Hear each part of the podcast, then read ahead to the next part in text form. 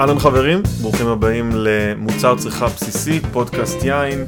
Uh, היום אנחנו, אני וגיא, אהלן גיא. שלום שלום. היום אנחנו מארחים את uh, ניב גלבוע. שלום לכם. ברוך הבא ניב לפודקאסט שלנו, מה שלומך? בשמחה רבה. Uh, בסדר גמור, דווקא פיקח לחלוטין, שעה מוקדמת לא שתינו בינתיים, היום. בינתיים. הכל בסדר. טוב, אז ספר לנו קצת על עצמך ניב. Uh, וואו. uh, בוא נתחיל ממש כאילו... ילד. אה, כן, ככה זה הולך, ילד. כאילו מעניין אותי לדעת מאיפה, מה, מה... אז לא, אז אני, אני, אז אה, האמת שכשאני עושה הרצאות תמיד שואלים אותי מאיפה, למה וזה, אז אני ממשפחה מרמת אביב, אוקיי, אקדמאים, שלא היו הולכים למסעדות, אוקיי. שלא היו שותים יין, אה, בבית היה רק וויסקי, כי אבא שלי אהב וויסקי, אז הוא היה שותה כוסית כל ערב, אבל כל ההתעניינות שלי, אני חושב, במסעדות וזה, זה סוג של ריאקציה לילדות, כי פעם ראשונה שהייתי באמת במסעדה, וזאת לא בדיחה, זה היה בגיל 16. וואו. שזה גם הייתה נסיעה לחו"ל שנסעתי עם ההורים שלי, ואז לא הייתה להם ברירה.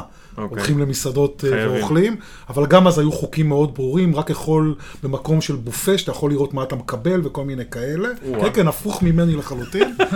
ואז כשחזרתי לארץ, אז אני זוכר שהלכתי עם חברים, אה, חסכתי כסף, הלכתי עם חברים לאחת המסעדות היחידות שהיו פה, אני כבר בן 48, אז זה היה מזמן.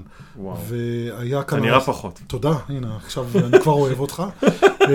Singing Bamboo, שאתם בטח לא שמעתם עליה. לא. היה פה פעם בחור, או עדיין קיים, בשם רפי שאולי, שהיה לו בערך את השלוש מסעדות היחידות בתל אביב. תל אביב הקטנה, Singing Bamboo ואיזה עוד אחת. אה, זו הייתה מסעדה סינית, כמו ש... עם כל הגינונים של מסעדה. אוכל, בדיעבד היום אני יכול להגיד שכנראה היה מזעזע, אבל זו הייתה המסעדה הראשונה שהייתי, זאת אומרת, אה, שהיום אני רק אוכל בחוץ כמעט, וחי באמת? את העולם, כן, וחי את העולם הזה גם בארץ, גם בעולם. מדהים. אה, זה סוג של באמת ריאקציה כנראה, וגם הבנה שהם פספסו מאוד, ותיקנתי אותם דרך אגב, את ההורים שלי לאורך השנים, כן. יש אפילו ביקורת שצילמתי, אמא שלי סופרת, ושהיא הוציאה ספר. אה, באישור של המנכ"ל שלנו, אמרתי, אני מפרגן לספר שלה, אז בוא תן לי אישור. והם נתנו לי, ולקחתי אותה לכתית של מאיר אדוני לארוחת טעימות. יפה. שהיא עד שהיא אכלה אצלו, היא תמיד טענה, אתה יודע מה קורה עם אוכל, למה בכלל להתעסק עם זה, עם כמה שעות אחרי זה אתה מוציא את זה בשירותים, ומאז היא מבזבזת לי את הירושה. גם אצלנו אגב, אצלי בבית לא היה יין על השולחן, וזה היה ממש... אה, גם להורים שלי פתאום עכשיו הם מתחילים לגלות, פתאום, אה, יין, זה טעים, זה, זה מעניין. כן, כן, אבא שלי עדיין כועס עליי, כי עד גיל 20 שלי, אה, שהתחלתי להיכנס לה- ולהביא עיינות טובים, היינו שותים יין. אבל כמשפחה רומנית טובה, שתינו אה, מורפטלר, מי שמכיר את ה... משהו מתוק בטח. יין אה, רומני חצי יבש, פינו נואר, כן. מאוד מאוד מאוד מאוד בסיסי. פינו נואר, אתה כן. מבין? משהו בסיסי. פינו שלא, נואר. שלא, אבל שלא ראה חבית מימיו מן הוא הסתם. ראה אה, חבית, כן? היה הוא ראה בצד חבית. השני. אה, בצד השני. בצד השני של הסופר, היה חבית יפה כזאת, הוא ראה אותה. קיצור, משהו מאוד בסיסי, ואז הוא התחיל לשתות קצת יינות יותר טובים, גררתי אותו, לא הייתה לו ברירה. היום כשהוא מנסה לחזור לזה אחורה, בדרך הוא גם הצטרף אליי, עשינו סיור בבורדו ביחד, עשינו קורס יין ביחד, הוא ככה הצטרף לעניינים. היום הוא לא מסוגל לחזור אחורה, הוא לא מסוגל לשתות אה, את אותו יין, הוא ניסה לשתות ולא מסוגל לשתות שזה דבר יפה ביין, דרך אגב, שקשה לחזור אחורה, כן. ולכן אנחנו צריכים לשכנע כמה שיותר אנשים להתחיל לשתות יין קצת יותר נורמלי. כן, once you go ולא רק uh, בקידוש, good, כן. you can never go back. כן. כן, אני חושב שבסוף זה, זה לנסות לפשט את העניין הזה, כי העי- העיינות יכולים להיות טובים וזולים, ולא לא בהכרח יינות מאוד יקרים הם יותר טובים מיינות פשוטים וזולים. זאת אומרת, אה, גם אני כיצרן, כיינן, הרבה יותר קל לי לעשות יין טוב. הרבה יותר קשה לי לעשות יין פשוט וטוב. כי לקחת את הענבים הכי טובים, בחביות הכי טובות, בזה, אחלה, יש לך יין מעולה. אבל לעשות מהענבים הכי פשוטים את העיינות הטובים, זה כבר אני אתגר. רוצה עוד דבר אחד, כי דיברת על, על כניסה למסעדות. מבין, ואוכל, ואנחנו לחלוטין איתך אוהבים לאכול. אוהבים. איך החיבור ליין? בחור שהזכרנו אותו כאן קודם, קוראים לו שריאל שני, זה היה חבר שלי עוד אה, קצת אחרי הצבא, גם, אני גם הייתי עיתונאי בצבא, הוא היה עורך חדשות החוץ של גלי צה"ל. אה, החברות שלו, אני חושב, שלנו המהודקת התחילה אחרי הצבא, ואני חושב שהרבה בזכותו, כי הוא היה גורר אותי פעם בשנה למסעות של חודש בצרפת. וואו. שככה גם נפתחתי לעולם האוכל, אבל במקביל גם לעולם היין. כי היינו במסעדות, בכל נסיעה כזאת היינו לפחות בשתי מסעדות של שלושה, כוכ... של שלושה כוכבים, היינו כל פעם עושים אזור אחר בצרפת, ועל הדרך, בהמון יקבים ו... אה, יותר פשוטות, אבל היין כמובן תפס שם מקום מאוד אה, זה. אז אני חושב שמגיל 24, משהו כזה, שהתחלתי את המסעות שלי עם שריאל, שנים, אה, נחשפתי בזכותו ליין, אוכל, שוב פעם, הכרתי לפני, אבל לא ברמות האלה, אז גם בזה אני חייב לו הרבה, וגם, אתה יודע, גם למדנו ביחד, אז הוא גם היה עוד צעיר, אבל הוא הבין הרבה יותר ממני כבר אז, הוא מבין הרבה יותר ממני אה, גם היום. אז ככה בעצם נחשפתי לעולם הזה. יפה, יפה. ואתה חושב שהחיבור הזה בין אה, אוכל ליין הוא חיבור ש... אין חיבור אחר, מה זאת אומרת? אה, תראה, אני, תראה, אני דרך אגב יכול לשתות יין לבד גם, בלי שום בעיה. אני אחרי יום עבודה קשה וזה, אני אחזור הביתה, אז אני אפתח לי בקבוק, גם אם אני לא רעב, ואני אשתה איזה יין טוב מהמקרר יינות שלי, שאני, כי אני לא שומר יינות לאירועים מיוחדים. ממש לא. כל יום זה אירוע מיוחד. נכון, אני חושב שצריך באמת לחיות אה, ממש. כאילו מחר אנחנו נמות, ומסביבנו אנחנו רואים דוגמאות כאלה. אז גם אם יש לי איזה יין, אה, סתם, אני אספר לכם מה בא לי לשתות אה, אתמול, לא, שלשום. אה, יין ישראלי, שאני דווקא אישית מאוד אוהב. אה, את ה-Grand Vin של קסטל, אני חושב שיש אה, די קונצנזוס על היין הבורדולזי הישראלי הזה. ולקחתי שנת 2006, אוקיי. שיש לי במקרר, שאני מניח שהיום נמכר ב... לא יודע כבר כמה, כי זה יין יחסית שאם אוספים משהו בארץ, אני מניח כן. שזה מרגלית ואותו, ו... ושתיתי אותו, והוא היה נהדר. הוא היה נהדר, נתתי לו לנשום קצת. האמת שזה תענוג. מעניין, המקום הזה של אה, אה, איסוף בקבוקים, דיברנו על זה, דיברתי עם חברים אתמול בערב. יש בארץ אה, ארבעה, חמישה יינות ספציפיים שהם יינות אה, קאלט. נכון. אה, מתיישנים טוב בכתבה. גם פשוט, אני חושב. גם מתיישנים טוב וגם יצרו לעצמם איזושהי קהילה של מה שנקרא שוק שניוני, שאפשר נכון. למכור אותם גם הלאה אחרי חמש או עשר שנים. מי עוד ברשימה חוץ מהם? זהו, קסטל כן, חד. משמעית. המערה של נכון, בנימינה, שזה- שזה מעניין. מרגלית. מרגלית ברמה מסוימת פחות, האמת. לעישון? הוא מעולה לעישון, אבל אין לו שוק שניוני. אני אדבר על אה, השוק. מעניין. אני מגיע גם, סליחה על זה, אני מגיע מהעולם הדתי, אה, לא, לא בעצמי דתי, אלא עבדתי במקומות אה, דתיים, אה, ירושלים. כן, ו- אתה צריך יין כשר, זה בעיה. והרבה מסוחרי היין קשורים גם בקהילות תראה כאלה איזה ואחרות. שליטה יש לא. אבל קסטל למה? הפכו באמת לכשרים. נכון. נכון, ב-2002 התחילו, ב-2003 נכון, הפכו נכון, לגמרי, ולחלוטין הם נמצאים. בסקאלה הזו. קצרין כמובן, רום כמובן, רום, כן. אה, אל רום במידה מסוימת של רמת הגולן. שיש להם שוק אחרי זה? כן, כן, כן, כן.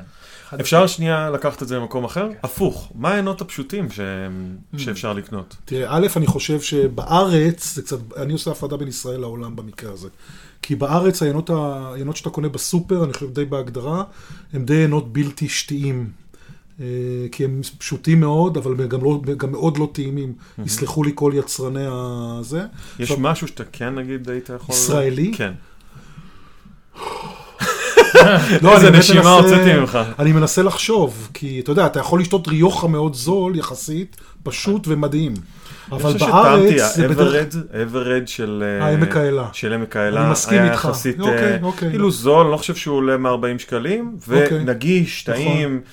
אה, אבל באמת. קשה, באמת קשה למצוא. זאת הבעיה. בעיניי, אגב, זאת בעיה, כי אם היה אפשר למצוא יותר עינות אני לא זולים, חושב, אולי... כמו שאמרת, הם לא מתאמצים, אני חושב, לעשות משהו טוב בקטגוריה הזאת, כי הם יודעים שהם דוחפים לך שלושה במאה בסופר, ואנשים קונים את זה בלי להבין.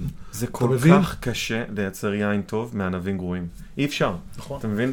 וזה זה קשה, זה קשה, ואני אני יכול להבין את היצרנים, אבל זה הבע- בעיניי זו הבעיה בשוק, זה- שאין לנו את הטווח הזה. זה האתגר בסופו של דבר, אני חושב שה, שהאתגר הכי גדול היום בישראל זה לא לייצר עוד יין ב-200 שקל שהוא מאוד איכותי, ואמרנו אה, כן. שמות של יינות יוקרתיים, וקסטל זה יין לא זול. נכון.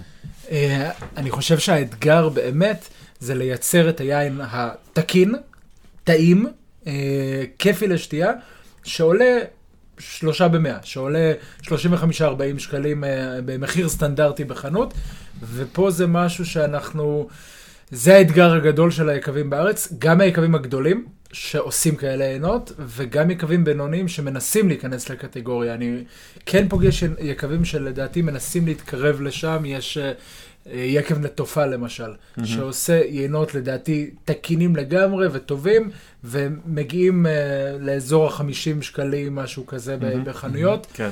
זה, זה עוד איפשהו נמצא בסקאלה הזו. Uh, הבעיה היא שמהר מאוד זה זולג למעלה, ו- ואחת השאלות שאני גם שואל את עצמי לא פעם, האם זה, uh, האם השוק הישראלי גם מוכן לזה? האם אם יבואו לישראלים זו שאלה שאתמול אה, בערב ד- דיברנו עליה המון. אה, אם יבואו לישראלים וימכרו להם יין ב-40 או 50 שקלים, האם הם יתפסו אותו כיין נחות? אני חושב שאם הוא יימכר היום בגלל הדימוי, ש- שוב, אני חוזר לסופרים, כי הסופרים מבחינתי מייצגים מקום שמוכרים אולי הכי הרבה, בעיקר פעמיים בשנה, אתם יודעים, לפני לפני כן, ס- פסח פסח וראש וראש השנה. השנה. אה, ובסטנדרט שם היינות הם באמת יינות לא טובים. אה, אלא אם כן באמת את אברד תמצא שם, אני לא בטוח, אבל לא יודע. יכול להיות שיש אולי הפתעה פה ושם, אבל רובם כן. זה יינות בישול במקרה הרע, כי גם לבשל צריכים... אה, יין טוב. עם יין טוב. אה, אז, אז יש בעיה, אני חושב. עכשיו תשמעו, בכלל בישראל, אם אתם שואלים אותי, יש כאן בעיה של תדמיות ודימוי, כי תיקחו את כל העקבי בוטיק למיניהם. עכשיו, יש לנו באמת אזורים נהדרים שאפשר לעשות יינות ממש על הכיפאק, אה, אבל כל אחד שבונה לו יקב, חושב שהיין שלו הוא הכי טוב, ולכן הוא ימכור בקבוק ב-300 שקל. למה ככה? הוא גם חושב שהוא צריך להחזיר את ההשקעה, כי הוא משקיע המון כסף, בדרך כלל בלי שום תוכנית עסקית ושום דבר, כי הוא רוצה לבנות לו יקב, וגם, מה, אני ייצרתי יין לא טוב? מה פתאום, אני עשיתי את הדבר הכי טוב שיש, 300 שקל בקבוק, ואז הוא נתקע עם כל המלאי שלו, והכי חמור, איזה מסעדן או מישהו מגיע אליו איזה חודשיים לפני שהיין הזה כבר, כן. אי אפשר לשתות אותו, קונה את כל הזה ב-20 שקל ומוכר ב-200 שקל כוס אה, סתם. מסכים איתך לגמרי, במסעדה. בוא נלך רק אבל לכיוון של הצרכן דווקא, ואני מנסה לחדד את זה. השאלה אוקיי. אם הצרכן הישראלי, שיקבל בקבוק יין טעים ותקין ב-40 שקלים, 50 שקלים, יתייחס אליו כיין באמת ראוי, או שיגיד, לא, זה יין שעולה 40 שקלים, אז הוא כנראה לא טוב. אתה מדבר על הרמה הפסיכולוגית, זאת אומרת שבן אדם מסתכל על יין ויגיד, אה, זה 50 שקלים, אז זה לא טוב. אני חושב שכל מי שהיה בעולם לא יגיד את זה, כי הוא ראה בעולם יינות ממש מצוינים במחירים האלה. אז אם אתה שותה יין ואוהב יין ונסעת בעולם, ישבת באיטליה, ישבת בצרפת, הזמנת במסעדה, או קנית שם בזה, אפילו. אפילו יין הבית, שעולה אפילו פחות לפעמים כן. מה-50 שקלים, אז אה, אתה לא תגיד את זה. אז אני במקום הזה, מה שאני פגשתי, והרבה ממה שאני עושה זה להדריך. אני מלמד בכל מיני מסגרות, מעביר המון סדנאות. הרבה מאוד תגובות של אנשים, זה יין שעולה 50 שקלים, זה יין שעולה 40 שקלים, אז הוא כנראה בעייתי, כנראה אנחנו איפשהו עבדו עלינו, משהו פה לא בסדר. היה, התפיסה שפגשתי אצל אה, ציבור שתייני היין, אני, אני שם רגע בצד את מי שקונה יין רק בשביל החג כדי שיהיה על השולחן וזהו, אלא מי שבשוטף שלו בקבוק שניים, שלושה, ארבעה בחודש. שתייה, אני מניח לא שזה קיימת. זהו פחות מאיתנו. כן, בקבוק לשבוע לצורך העניין. כן, זה. ארבעה בקבוקים בחודש. אה, אז, וכאלה אני פוגש המון המון המון אנשים כאלה, ולא פעם אני נתקל בעניין הזה של יין, אם הוא, זאת אומרת שאם יתחילו לקנות את היין באזור ה-80 או 100 שקלים לבקבוק, כי לתפיסתם, היין אה, מתחת לזה הוא אולי יכול להיות נחות, והשאלה היא איפה הביצה ואיפה התרנגולת. א', צריך לחנך, אתה צודק באלף בשביל אחוז. זה אנחנו פה גם. נכון, צריך לחנך ואין שום סיבה באמת שיחשבו את זה. אבל תראה, אני אתן לך דוגמה, אה, אני לא אגיד איזה חנות זאת, אבל יש רשת חנויות שעובדת, עבדה בזמנו על לקוחות, עבדה כאילו רימתה, לא רימתה, זה סוג של... אה, לאנשים שלא מבינים, איך גיליתי את זה? יש לנו פרלמנט שנפגש בערך כל יום שישי, ויש לידינו עוד פרלמנט של אנשים מבוגרים, רופאים, כולם בפנסיה וזה, אבל לא, אתה יודע, יין לא בדיוק זה, אבל הם אוהבים לשתות. ואיזה התלהבות הייתה יום אחד שם בפרלמנט לידינו, אני שומע אותם, מרימים כוסים, מאושרים כולם וזה, ואז הם תמיד שולחים לי, לי ולשריאל, שולחים לנו תמיד לטעום את היינות שהם אה, מביאים, ובדרך כלל אנחנו לא מתלהבים. והפעם אומרים, תשמע, אתה לא מבינים איך שיחקנו אותם, קנינו קסטל ב-40 שקל בקבוק, אפרופו שיחתך. ואני אומר לו, מה, איזה, חשבתי, יש להם הרי היום את הוורסיה השלישית כבר. אה, כן, אה, לביא. כן, את ה-V, שעושים אותו הרי בבטון וכל מיני כן. שיטות ככה חביבות, יין חביב מאוד. לגמרי. ועדיין- כן, ועדיין כן. 80 שקלים בחנות. בדיוק, ועדיין 80 שקלים אה, זה, אז אמרתי משהו פה, כנראה יש לו איזה קומבינה עם איזה זה, אז אני אומר לו, איזה, איזה, אמרתי לו, רגע, מה רשום על ה... הוא אומר לי, לא, רשום קסטל בגדול. אמרתי לו, רגע, ורשום גרנדווין וזה, רשום זה, אז הוא אומר לי, לא, רשום רק קסטל. אמרתי, תראה לי את הבקבוק. זה כמובן, יש יקב מחו"ל, אמריקני. אה, סליחה, אה, צרפתי. יש יקב צרפתי, אה, לא הכי טוב, בוא נודה על האמת. זה לא ממש יקב, זה יותר סוחר שקונה מפה משם, יש כל מיני... עושה מערבב כן. כאלה וזה. יין שלא ראה כמובן חבית, לא ראה כלום, יין פשוט, חמוץ, די דוחה. והם היו בטוחים, די דוחה. כי בחנות אמרו להם, תשמעו, אתם שמעתם על קסטל? ברור, שמענו על קסטל, אז יש לנו את זה במבצע. קנו ארגז. אבל הם, אבל לא, אבל רגע, מה השורה התחתונה? הם נהנו. עד שהרסנו להם את ההנאה.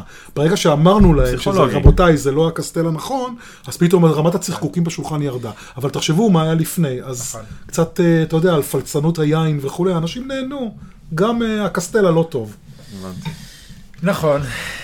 אז בשביל זה אנחנו פה, באמת, בשביל זה אני, אני, אם אני יכול להעביר מסר לאומה, אני אומר, חבר'ה, יש יינות מעולים, בזול. אם אני טיילתי, הייתי חמש שנים באיטליה, למדתי שם, חייתי שם, ראיתי, החיים שם הם כאלה שמאפשרים לך לשתות טוב ולחיות טוב, ולא להוציא את כל הכסף שלך על היין. פה בארץ אולי זה קצת יותר קשה, אבל אני כן חושב שיש פה איזו תנופה של המקומות האלה שכן מביאים יינות זולים, מסעד, פחות מסעדות אולי, אבל בחנויות יין שאפשר למצוא דברים נגישים, זולים, אולי פחות בסופרים. אבל גם שם, אני בטוח, זה גם, אגב, זה תהליך שגם קרה באירופה. באירופה, אה, לפני 10 או 20 שנה, בסופרים היו יינות, סלח לי על הביטוי, חרא. חרא שיינות, באמת, לא היו דברים טובים. הדברים זולים, ודברים יותר יקרים היו קצת יותר טובים. היום הסופרים נהיו קניינים טובים, נהיו אנש, אנשי מקצוע שמחזיקים בכל העולם, אפילו באירופה הגדולה שאנחנו מסתכלים עליה ביראת כבוד. ושם יש כל מיני סופרים שמביאים יינות מעולים ובזול. וזה יגיע גם בתקווה פה. יש, לדעתי יש כן סופר, רשת סופרמרקטים אחת בישראל שכן יבואנית של יינות שלה. מדבר על טיב טעם. בדיוק. שכן אפשר למצוא שם יינות היא לא טובים. כשרה, אל תשכחו, הבעיה שאתה נכון. לא תמצא בסופרים זה, כי הכל נכון. זה צריך להיות כשר. יש יבואן אחד בארץ, לפי דעתי, שמתמחה בזה גדול, צור, לא יודע אם אתם מכירים יש- אותו. יש כמה מביא- יבואנים. אבל הוא כאילו, אני יודע מה- כן, מהפורטפוליו שלו, שיש לו ברוב היינות, מה לעשות. נכון, אה, נכון, נכון, נכון. הבעיה היא שהכשרות מגבילה דברים נכון. מסוימים, אני מסכים, ורק אה, אה, כי דיברנו על סופרים, אז יש איזושהי התמקצעות לאט לאט, אני יודע שלצורך העניין, טיב טעם, ראשון לציון, אה, אני עושה להם פרסומת חינם, אבל זה מגיע, אה, טיב טעם אה, ראשון לציון, יש שם אה, אה, מחלקת יין שיכולה להתמודד יפה ובהרבה כבוד מול רוב חנויות היין בישראל. מאוד מאוד מאוד מכובדת, ויש שם אה, אדם שכל התפקיד שלו זה מנהל מחלקת היין של ה... של טוב, אתה יודע שהם. קנו הרי חברת אה, אה, הסקוטית, הרגל, את אה, הסקוטית, אז הם כן. בעצם נכנסו ליבוא יין. כן. נכון, אה, נכון, היה להם לפני זה מעט, ועכשיו נכון, הם- נכון. עכשיו הם לא, אבל רציניים. נכון, אבל שוב, היתרון שלהם באמת מבחינתם זה שהם לא לא כשרים, ולצערנו בארץ השוק הזה זה שוק מאוד אה, לגמרי, מדלדל או קטן, הלא כשר. לגמרי, לגמרי, ודיברת על, על צור סוכנויות ואחרים, ו- והמקום של, ואנחנו נגיע לזה עוד מעט, למקום של תפריטי יין ומחירים ומסעדות. אה, אה, אחד האתגרים של יבואנים זה העניין של... של כשרות גם למסעדות. אז אנחנו חיים אולי פה בתל אביב ומכירים את מה שקורה פה, ורוב הרוב עדיין לא כשר, אני חושב. בתל אביב הרוב עדיין לא כשר. האמת שבדקנו את זה לא מזמן, יחד עם אה, אה, אתרי, אה, אתרים שמייצגים מסעדות, אז רוב המסעדות כשרות. אבל אם אתה מה זה מוריד... הגדרה של מסעדה? בדיוק. אם אתה. מוריד את השיפודיות וכל מיני. כאלה, אז כן, אז באמת יש רוב שהוא לא כשר. גרתי בירושלים שנים ועבדתי עם הרבה מהמסעדות שם. בירושלים המשחק שונה לחלוטין. ברור. והשיחה שלנו כאן תהיה לדעתי יותר על מרכז הארץ ועל המחירים של מה שקורה פה. אה, ו, וברגע שאנחנו מדברים על זה, אז כן, אנחנו מדברים על יבואנים כמו אה, חברת הכרם וחברת אה, שקד והמגש שקד אה, דרך היין, והסקוטית ישראקו אה, טיב. טעם, ואנוטקה ויין אנד מור חינאווי. אלה אולי ארבעת השחקנים הגדולים, וכמובן עוד הרבה שחקנים בינוניים וקטנים יותר, ו- כן. ואיך היין בסופו של דבר מגיע ל- לישראל ולמסעדות. ויש פער בין המחיר בישראל למחיר באיטליה, אה, או בצרפת. ברור. אה, תראה, אני, אני, תראה, כשאני התחלתי לטפל בזה בערוץ 10 בזמנו, אה, זה בא מ... אני התרגזתי לשבת במסעדה ולשלם 70 שקלים על כוס, שאני יודע... על כוס. על כוס. דרך אגב, אתמול חברה טובה שלי, הנה, סיפור מהחיים, חברה טובה שלי הלכה למלון נורמן, יש שם את המסעדה כן. של שף מאוד מוצלח שאני מאוד אוהב, אה, והסתכלה בתפריט טעינות, וראתה כוס ב-70 שקל, ישראלי. והיא שאלה אותה, מה כל כך, אה, מה זה 70 שקל? כאילו, מה זה יין שעולה 2,000 שקל? כאילו, מה... עכשיו, כוסות מאוד מדודות גם, זה כן. חמש כוסות בבקבוק... וואלה, כן, אוקיי. 150, לא 180 מיליליטר. לא, 150, אה, והיא לקחה. כי כסף זה לא אישיו בשבילה, למרות שאני לא הייתי לוקח, לא קשור אישיו או לא אישיו, כן. כדי לחנך את המסעדה לא הייתי לוקח, וזה באמת היה אה, יין, יין מ-2006, שיפה שכביכול פותחים אותו לכוס, אני מניח שיש להם כנראה את הפטנט הזה עם, ה, עם הגז שם שמחזיק את זה איזה שבועיים שלושה, ואמפורה. ביני, תשמעו, אמפורה הוא יקב טוב, אני גם מכיר את אה, מישל שבא לייעץ להם.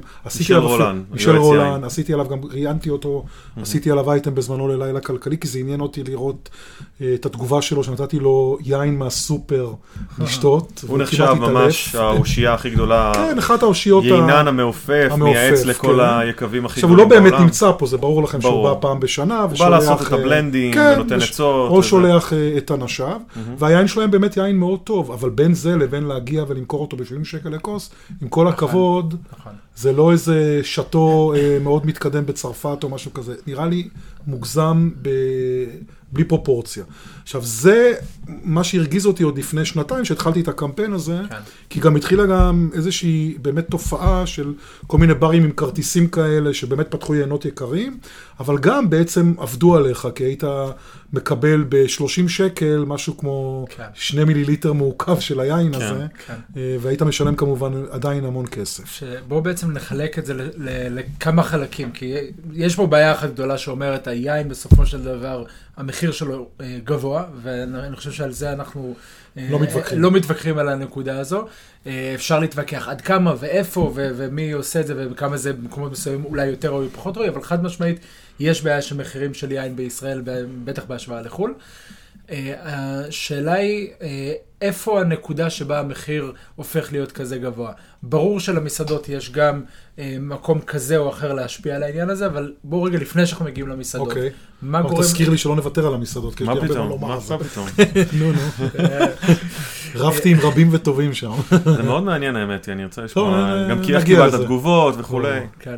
השאלה היא לפני, אוקיי. מה, אה, מה גורם למחיר של היין בישראל בסופו של דבר, עוד לפני שהוא הגיע... אתה מדבר צריך לעשות הפרדה בין ישראלי לבין חו"ל דבר ראשון. על מי אנחנו מדברים עכשיו? אוקיי, שאלה טובה. שאלה טובה. גם, אני חושב שצריך לעשות הפרדה. כן, כן. גם לינות יבוא וגם לינות תוצרת הארץ. טוב, תוצרת הארץ, הטענה שאני שומע תמיד מעננים, ו... א', אל תשכחו שהיום חברות מאוד גדולות, כמו החברה המרכזית, אה, יש לה. יקב, קוקה קולה, טמפו יש לו יקב, אה, כדי לבנות פורטפוליו לברים וכולי, אה, ש... וסופרים במקרים של היינות של שניהם, לדחוף את הסחורה שלהם יחד עם הקולה, או יחד עם, ה... עם הפנטה, או ווטאבר. עם רגע. אז בוא בשביל האנשים שמקשיבים, מי היקבים האלה? תבור זה של קוקה קולה, אוקיי. ברקן זה של... ברקן סגל ברקן סגל. עכשיו, ברקן סגל זה דוגמה נהדרת דרך אגב, שזה יקבים ענקיים, שיש להם יינות רעים מאוד וטובים מאוד. כאילו, יש להם בסקאלה, זה מטורף, באמת. תבור, אני, סליחה, אני לא התרשמתי מאף יין שלהם. די פלסטיקי כזה, סליחה, אני מקווה שאני לא פוגע, אולי אני לא מכיר. לא, לא. אבל מה שטעמתי מתבור, קוקה קולה. כאילו, לא... אוקיי. על ברקן סגל אני יכול להגיד שיש להם יינות פשוט מצוינים, אבל מתומחרים במחירים, אה, אה, כל הלא מסו, סגל לא מסונן לפי דעתי, 250 שקל ללקוח או משהו בחנות, או מספרים. אה, די, אולי אני מגזים, אבל זה מה שאני זוכר. לא אוקיי, ב- כן. אוקיי, תבדקו אוקיי. אותי, תבדקו ל- אותי. לגבי תבוא רק לפרוטוקול כאן, אני חושב שכן יש להם כמה יינות לא, בסדר. אה, טובים. יכול להיות להגיד- אותם. ענקיים, אני יכול- כן. באמת לא זה, אבל כן יינות טובים. אני חושב שיש איזשהו, איזושהי כרונולוגיה של דברים שקורים שם, אה, יש שם הרבה מאוד אנשים חדשים שנכנסו לתחום וזה, נכון. ייקח זמן עד שירגישו את השינוי, אני איתך. על מי אתה מדבר? על על הגדולים? תבור, אה, על תבור. ספציפית. אוקיי. אני חושב, אני לא מכיר אף אחד מהאנשים שם באופן אישי, זאת אומרת זה רק מניתוח של, אני רואה מה הם עושים שם ואני משוכנע שתהיה עבודה טובה יותר בהמשך. וברקן סגל גם בכלל מאוד מעניין, אנחנו גם הרי חיים את, את מאחורי הקלעים של ענף העין הישראלי, הזכרנו את עמק האלה, זה היה שם שינוי של, של אנשים שעומדים, אה, שנוהגים את ההגה של היקב, הייננית החדשה שם, אה, עירית אה, בוקסר שנק. בא אה, בא בעצם עכשיו בדיוק מברקן, כן. ושם נכנס עידו לוינזון, שהגיע בתורו. מרקנטי, ודיברנו על אמפורה קודם, שגם כל הצוות היינני, כולל נכון. מישל רונן שכבר לא מייעץ ליקב. 2006 אה, אני חושב שהוא. יודע. כן, לחלוטין. אני מדבר על ממש על השנה כן. האחרונה, ככה ש- שיש שינויים ו- וזה מעניין מאחורי הקלעים. אה, רגע, אז אמרנו, אוקיי, אז, אז דיברנו על החברות הגדולות, אז אני שם אותם עכשיו בצד, כי השיקולים שלהם, אה, ההפך, דווקא אצלם יחסית העיינות יכולות יותר, יכולים להיות יותר זולים. עכשיו, כשאני מדבר עם ילנים אה, ישראלים, הם כולם באמת בוכים, אני חושב שדי בצדק, המדינה מערימה פה המון קשיים. כי מצד אחד אין תקן באמת, אין הרי תקן פה, וכל אחד יכול לעשות מה שהוא רוצה, אבל מצד שני יש פתאום חוק שאומר שיקב חייב להיות באזור תעשייה. אתם ידעתם את זה? כאילו, אני לא כן, יודע אם אנשים ודאי. מודעים. כן, כן. אז הרבה אנשים גם עוברים על החוק. כן. כל עוד אתה יקב קטן, זאת אומרת, רק, תופסים אותך. אני אעצור אותך, מה שאמרת כרגע זה אומר שיקב, כמו שאנחנו מטיילים באיטליה לדוגמה, או בצרפת או בכל מקום אחר, אתה יכול לראות יקב שלידו נמצא כרם, נכון. והוא נמצא בכפר שכוח אל בשום מקום, וזה עם הרומנטיקה והיופי, נכון. וגם האירוח, בעצם שאני נהנה לבוא ולהתארח ביקב, שגם יש את הכרם ליד, ואפשר לראות. בארץ, אתה חייב שהיקב שלך יהיה באזור מסחרי, האזורים, סליחה. שוב, הכי מגעילים, נכון. הכי מסריחים, שבהם אמור להיות משהו שאמור לייצג את, ה, את הדבר היפה הזה שנמצא בכרם, שיכול להיות גם מאות קילומטרים מהמרחק של היקב. מסכים איתך. כי ואז אנחנו מדברים על יקבים, אתה מתרגש מזה ואני מבין. זה אנחנו אותי, מדברים זה- סתם, גם זה נכון, סתם. נכון. ואז אנחנו מדברים על זה שיקבים קטנים אה, בארצות הברית ובאירופה, לא פעם מוכרים מכירה ישירה ללקוח, ובעצם חלק מעלות השיווק, שמתבטאת אחרי זה במחיר, אני חוזר, נכון. לוקח אותנו למחיר, כן. אה, עלות השיווק יורדת, כי יש להם את היכולת למכור ישירות נכון. ביקב. בדיוק, ביקב שלנו זה direct to consumer, אנחנו מוכרים את כל התוצרת שלנו, 120 אלף בקבוקים, ישירות ליצר, לצרכן. הוא מגיע אלינו, תיירות יין, אנשים נכון. מגיעים, מבקרים, מת- מרגישים חלק מהחווה הזאת, ובאים ומזמינים את קיצור, זה טמטום בירוקרטי שיש פה הרבה, בכל תחום אולי. פספוס, נכון. המחיר. יין לא קיימת. אבל זהו, אז זה משפיע, זה דבר אחד שבאמת משפיע על המחיר ואני מקבל. אה, דבר שני, שזה באמת תעשייה שלא נהנית משום הטבות, כמו מגדלי הירקות, כמו מגדלי הפרחים, כל הסובסידיות, כל מיני דברים כאלה. את היין לא סופרים פה, לא מעודדים משום מה את התעשייה, למרות שיש לנו פה אפשרויות כן ליצור יין טוב. באירופה יש לך ביטוח, שאם משהו קורה לכרם, או יש איזושהי בעיה, אתה מקבל מהמדינה התחייבות לזה שאת התוצרת אתה יכול למכור. פה בארץ, אם תהיה איזושהי תקלה, היה מלחמה, נפלו טילים על כרמים, והלכו. נכון. אז זה סיבה נוספת, וכוח אדם, ששוב פעם, אני, הם מעסיקים הרי הישראלים כמובן, כל הבציר וזה, אף אחד לא אוהב ללכלך את הידיים, אתה צריך להביא פועלים אה, זרים, ואז אתה משלם משכורות מטורפות היום בניגוד אה, אה, לעבר, אז יש באמת הר- הרבה בעיות שגורמות ליין להיות יקר, אבל עדיין, אני, שבודק אותם, אני מסתכל כמה אה, הם מוכרים לחנות, וכמה הם מוכרים ביקב שלהם. רובם, דרך אגב, יעשו אותו דבר, כי החנויות אה, שומרות עליהם שלא ייתנו יותר מדי הנחה, אם אתם רוצים למכור את זה ב- ב- אצלנו בחנות. אני לא מוכן, כי אנחנו מדינה קטנה, זה לא כמו תסביר לי אצלך. את ההיגיון הזה. כי אם יש חנות. בחיפה, ויש יקב ב- ב- בזיכרון, והחנות בחיפה רוצה למכור את התוצרת, והיקב רוצה למכור את התוצרת גם בחיפה, אז אני יכול להבין את בעל החנות בחיפה שאומר, אל תעשה לי תחרות איתי, אם אתה מוכר את היין שאני מוכר לך. זה- אנחנו מדינה קטנה. זה משהו שאני לא מצליח אבל להבין. תבין את זה, אני לא, לא. דווקא מבין. אני, אגיד לך למה אני לא מבין. כי בסוף, אני, אני, אני חושב שהחוויה של התיירות יין, או החוויה של לבוא ליקב, היא אמורה להיות חוויה הרבה יותר נעימה, שמחברת את, היצר, את הלקוח ליצרן, שמחברת אותך, אני בסוף, בינינו, בינינו ובין כל מדינת ישראל, יש גם משהו חווייתי ביין, יש פה קצת משהו. שעם מי טעמת. נכון. ואיך היה, ובאיזה חברה היית, ומה אכלת באותו, זאת אומרת, אז כשאתה מגיע ליקב ומתארח ומקבל איזושהי חוויה אחרת, היא לא כמו החוויה, ה- אפילו, בוא נגיד, פלסטיקית הזאת, כמו שאמרת, שאתה נכנס לחנות יין, ויכול להיות שיש שם מישהו בעל מקצוע שייתן לך איזשהו אה, אבל מידע. אתה לא מצפה מהם למכור רק ביקבים, נכון? אתה רוצה שהם ירוויחו גם. אין שום אז בעיה. הם ימכרו גם בחנויות. אין שום בעיה, אבל אז אני החנויות חושב- צריכות אני להרוויח. חושב שבסופו של דבר, מה ש- מה שניב אומר, אם אני מבין נכון, הכוח של החנויות גדול יותר מהכוח של היקבים, נכון. ולכן הם מכתיבים את ה- את זה שהמחיר יהיה יותר יקר ביקב. כי אוקיי. הם יכולים, או יותר יקר, או לפחות אותו דבר, אתה יודע. כן, כן. כשאני חושב שברמה ההגיונית שלי, ומה שאנחנו מכירים עם יקבים בעולם, אם, אם חנות נמצאת פה בתל אביב, אז אני אשלם עוד כמה שקלים כדי לקנות היין פה ברחוב לידי, ולא לנסוע עכשיו ל- נכון. לזיכרון יעקב נכון. ולקנות את, ה, את היין שם, אה, ועולה לי הדלק והזמן. אז הפרמיה צריכה להיות. מצד שני, אה, זה המצב שלנו היום, בסדר. אגב, חזרה לעניינים של המחיר של היין, אז יש פה עוד כל מיני אלמנטים שקשורים בעיניי לגודל של היקב. זאת אומרת, ככל שאתה תהיה יותר גדול, העלויות שלך יותר נמוכות, ברור. ואז אתה תוכל לייצר יינות זולים יותר. נכון. אה, יקבים, יקבי בוטיק, יש יקבים בארץ שהם אפילו לא מחשיבים, לא מחשיבים את כמה זמן עבודה שיש ליצרן עצמו, שהוא, אתה יודע, הוא בסוף גם מוכר וגם זה, וגם הולך לחנות וגם הולך ל... ועושה ומפיץ ו... ונותן את היין לאנשים, אז בסופו של דבר יש מצב שיין עולה 35 שקלים ליצרן בוטיק.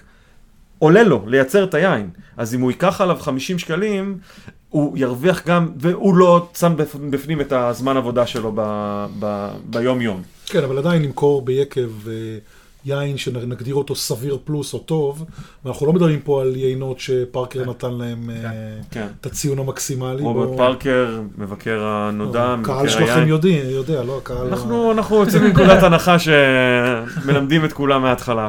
ו... אנחנו לומדים מההתחלה. נכון, הכל. כולנו לומדים כל הזמן, זה כל ברור. ולקחת 200 שקל או 250 שקל נכון. ביקב לבקבוק יין, זה נכון. אגב, שערורייה. אמרתם 35, שנבין ה- את המספרים. 35 שקלים נניח ייצור, אה, נניח שהוא מוכר את היין ב-50 שקלים, מס- אה, חנות תיקח על היין הזה סדר גודל של 1.7. זה המפתח שעושים. 1.7, כאילו זה אחד- אומר אחד- כפול 1.7. יפה. שזה שהם לא 1.7. חזירים. אה, זה, זה מקובל יחסית נכון. בחנויות, סטנדרטי יחסית, וזה כולל בתוכו גם את המע"מ. זאת אומרת, חנות שילמה 50 שקלים, היא מקבלת תשלום שכולל מע"מ, שהיא, שהיא מזדכה רק על מה שהיא שילמה. כן. אה, אז 50 שקלים כפול 1.7 יוצא לנו אה, כבר אה, 80 שקלים. וזה פלוס מינוס ההתחלה של היינות אה, בוטיק. התחלה של הכיף. אה, כן, שם אנחנו מתחילים, ומכאן כבר מתחיל להיכנס עלויות נוספות, ומתחילות להיכנס למשל עלויות של טעימות. אה, יקב, אה, ישבתי לא מזמן עם אה, אחד נציג של אחד היבואנים הגדולים ש, שסיפר לי, והאמת שהופתעתי מאוד מהנתון, שאצלו עשרה אחוז מה, מהיבוא, וזה מקביל גם ליקבים בארץ, עשרה אחוז מה- ממה שיש להם בארץ הולך לטעימות, לא נמכר. מהמם. עשרה אחוז. אה, ברמה האקדמית אגב, בספרים זה בין 7 ל-8 אחוז. זאת אומרת, ברמה עולמית. יקב, צריך, ש- אם אני היום עושה תוכנית עסקית ליקב, אוקיי. אני צריך שיהיה לי בין 7 ל-8 אחוז מהתוצרת. ובוא נסביר רק למ- אה, מי תואם, אני מניח שזה טעימות למסעדות, לחנויות, לעיתונאים, גם. למבקרים, גם. ולאנשים שבאים לקנות... אה, ביקב, ולתערוכות ופסטיבלים, ויש תערוכת כן. סומליה, ויש תערוכת, אה, יש הרבה תערוכות. כן, אה, יש- אתה יכול לקבל איזה לא. איזה עיטור שאתה רוצה, זה מאוד מאוד קל. זה בארץ. תחרויות כבר לגמרי, אתה צודק, אני מדבר גם על, גם תחרויות זה בנפרד, וגם תערוכות, יש בארץ אה, היום תחת כל עץ רענן, יש, ראיתי לא מזמן את תערוכת היין של, או פסטיבל היין של אה, גני תקווה, ופסטיבל היין של... לא, אבל אני חושב שמוכרים שם, לא? אני לא בטוח שהם נותנים בחינם את היינות. הם מוזגים, הם מוזגים את היין לטעימה, ואחרי זה אפשר גם למכור. אוקיי. אבל הטעימה עצמה, היקב, עד כמה שאני יודע, שוב, תלוי, יש אולי תערוכות כאלה ואחרות. אני אה, הייתי, אה, סיפרתי באיש הענבים, ואני מכיר את הנתונים גם משם וגם מהרבה תערוכות אחרות. פסטיבלים, בפסטיבל בדרך כלל היקב לא מקבל תשלום פר היין שהוא אה, מוזג לטעימה. אוקיי. אה, במצטבר, זה עוד עשרה אחוז נוסף של עלות. אנחנו מנסים לגזור ולהבין כן, כן, בעצם ברור, את, את ברור. עלות הכוס היין במסעדה. זה עוד חלק שהוא מהותי מהעלויות. אה, מסעדה או בכלל? לא הגענו עוד למסעדה. נכון, מסעדה- נגיע, נגיע. רגע, אז בוא. בוא, בוא נגיע. הנה, הגענו. יאללה. יאללה, ברוך הבא. אה, לא, אתה הולך לשבת פה בשולחן הזה, אני המארחת שלך. אז ספר, דבר ראשון, עשית פה, זה משהו מאוד גדול פה בארץ. אה, כולנו... תראה, א', הרגשנו את תראה. בוא, בוא נגיד לכם דבר כזה, יין לא מצטלם, טלוויזיונית, חדשותית. אה, לא תראו כמעט כתבות על יין. עורכי תוכן בערוץ 10, איפה שאני עבדתי, היום אני ב-2, 12, בקשת, לא מעניין אותם יין. לא מעניין אותם, לא מעניין אותם ברמה שזה נתפס כמשהו מתנשא, לא כל העם. אליטיסטי. אליטיסטי ותרבותי. עכשיו, כל דבר שהוא במסגרת של תרבות, אתה, אתה לא רואה בטלוויזיה המסחרית, או תראה נורא מעט. אז כבר מראש היה לי מאוד קשה לשכנע בכלל לעשות משהו עם צריכים יין. לראות איך אנחנו מצליחים לעשות איזה ריאליטי יין. זה- האמת שזה רעיון נחמד. יש, יש אה, The Wine Show, זו בישראל. סדרה מקסימה, גם בישראל. דווקא רעיון שתספר לי עליו אחר כך. נדבר. אני אקרא, אני אקרא את זה, אני אראה את התוכנית. דבר אה. אני הייתי שמח מאוד לעשות משהו כזה. אה, ואני מדי פעם הייתי מכריח אותם, זה התחיל ב... ממש מכריח את המערכת שלי, את לילה כלכלי, שגם הגשתי אה, כמה פעמים בשבוע, אה, לעשות טעימות. לפחות, ההסכם שלי בסוף עם האורחים היה, לא כל חודש, אבל כמו כולם, לפני ראש השנה ולפני פסח, אנחנו נעשה ספיישלים כאלה של טעימות. כמובן זה לא הספיק שרק אני אטעם ואדבר, רצינו, כל פעם הבאנו בכוונה לא מביני יין, אבל אנשים מאוד מוכרים שכן שותים, מחנה לסלו, ועד כאילו כולם באו לשתות איתי יין, והיה נורא כיף ונחמד, ומאוד פרגנו רק כקווים ישראלים דרך אגב, למגינת ליבם של חבריי היבואנים, אבל רצינו לקדם יין ישראלי, אני מאוד אה, חושב שזה חשוב. מאוד חשוב. וככה בעצם, איכשהו הת- התחלתי להרגיל אותם בטלוויזיה בשש, שבע שנים האחרונות, לדחוף יין ולעשות משהו עם יין.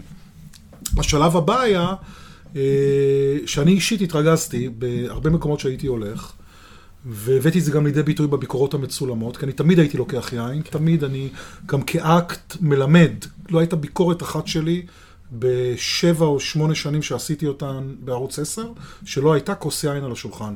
וככה צריך. וככה צריך. כוס בכל יין. העולם, כן. כוס יין עם ארוחה. אפילו שתי כוסות יין אם אתה אוהב, בארוחת צהריים, העולם לא נופל עליך ואתה חוזר לעבודה. רענן יותר. אה, מצב רוח יותר טוב, וזה גם, וזה אתה לא בריא. משתכר, נכון, וזה גם בריא, כל עוד אתה לא שותה גם בערב.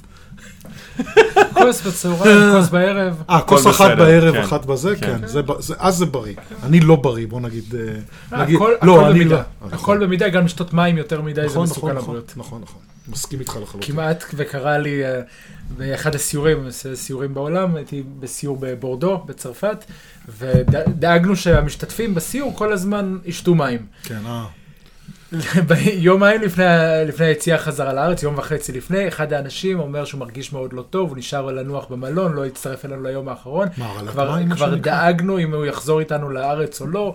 בסופו של דבר הוא היה מספיק חזק כדי לחזור, הגיע לארץ, הגיע לרופא, והרופא אמר שהייתה לו הרעלת מים, שתה יותר מדי מים. זה לא שמעתי, אבל כן, יש חיילים בדרך. כלל שזה קורה כן, להם. קורה טוב, כל שנה. אז תגיד להם לא לשתות יותר מדי. ילדים טובים מים. מדי. כן, בדיוק. נלחצו מזה שהם שותים יין כל הזמן. בכל מקרה, אז מאחר וגם זה היה כבר את הטקס הזה, שאני מזמין את היין במסעדה, מצלם את זה, מראה את זה, וגם רואים אותי שותה, אה, התחלתי להתייחס גם למחיר. ולאט לאט התחלתי לשים לב שיש פערים לא מוסברים. סתם דוגמה, הייתי ב... יש את התערוכה בהיכל התרבות, אני אף לא זוכר שמות. סומליה. סומליה. הייתי ב... הנה עוד דבר שהצלחתי לשכנע את... אה, לעשות משם שידור. מי ישמע לערוץ 10. מדהים. שידרנו בלילה כלכלי, עשינו משם מה שנקרא. IFB, שזה כאילו מראיינים אותי כביכול בלייב. אה, התערוכה הכי כן, גדולה לקהל נכון, המקצועי נכון, בישראל. שזה תענוג. והשנה היא גם פתוחה לקהל אה, לא מקצועי. זה- אז בכלל טוב. ומה שקרה זה, פתאום היו שם המון יקבים שלא הכרתי, וזה הכי כיף, כל מיני יקבי פיוטיק כאלה חמודים. ופתאום אני רואה איזה יקב שנראה לי מאוד מוכר, ואז נזכרתי מאיפה, שתיתי יום קודם בביקורת שצילמתי באחת המסעדות היקרות בתל אביב. אה, ראיתי את הכוס הזאת, את השם שלו בזה, לא שמעתי לה, אבל שאלתי את הסומליה, מה זה היקב אז הוא התחיל לספר לי איזה סיפור, כי תמיד הרי מספרים סיפור, אה, לא יודע אם הוא נכון או לא, אבל הוא סיפר סיפור שמצא חן בעיניי, וראיתי שהיין באמת מתומחר היה ב-60 שקלים, שזה... אז עוד לא... רק אז התחלתי להבין את גודל הרמאות. מדבר איתכם שש, לא זוכר כמה שנים אחורה, ו... זה המון, לפני שש שנים, שנים, כן, 60 כן, כן, שקלים כן. זה המון, בעבר. ש- זאת אומרת, כן. היום יש דברים שאפשר למצוא, אתה יודע, אם יפתחו לי בקבוק של שאטו, שאני בחיים לא אוכל לטעום אותו, ואני אשלם עליו 70 ישראלים. שקלים, כן, אז בכלל, אתה נכון. מבין, זה... אוקיי. בדיוק. ו... ואז אני מגיע לבחור הזה, בעל היקב, ששתיתי את הכוס שלו כמו בשישים, מדבר איתו. ואומר לו שמאוד, באמת מאוד אהבתי את היין. ואז אני שואל אותו, תגיד לי, בכמה אתה מוכר למסעדה? הוא, הוא מוכר אישית. אתם יודעים בכמה הוא מכר את הבקבוק? פחות מ-60. תנו מספר, 45 שקלים. 30 שקלים. יואו. אתה מבין? אוקיי. לבקבוק. לבקבוק. אז- ואז, אתה יודע, זה תפס אותי בקישקה. כי אמרתי, רגע, כמה, כמה אחוז, כמה מאות אחוזי רווח צריך לעשות? מה, כל הרווח של המסעדה צריך לבוא על הכוס יין שלי? כאילו, אתה יודע, אתם לא מעיזים הרי לקחת על אה, ריזוטו עם משהו 200 שקל, 300 שקל פתאום, נכון? יש הרי, יש חוקים, יש כללים, גם למסעדות, אף אחד לא... למרות כן שהיום, לא, השאלה אם מביאים פתאום איזה... היום אתה יכול בדיוק, נכון. אפילו אפילו בלי חומרי גלם, יש, אה, נגיד אצל אייל שני, אתה יכול לאכול אבל אייל תפוח שני, אדמה או לא, לא, כרובית, בסדר, אייל שני הוא לא שף, הוא לא שום דבר בעיניי. לא, אוקיי. הוא איש שיווק. אוקיי. אז מי שמשלם אצלו שישלם, זה לא רלוונטי. הוא לא הוא לא נכנס אצלי בשום קטגוריה גסטרונומית. כן, נגדיר זו, כן. זה לא... הוא לא, אני לא מחשיב אותו בכלל, אני, כל מי שמבין באוכל לפי דעתי גם לא צריך להחשיב אותו, אבל זה אולי נושא לפודקאסט אה, אחר בתחום האוכל.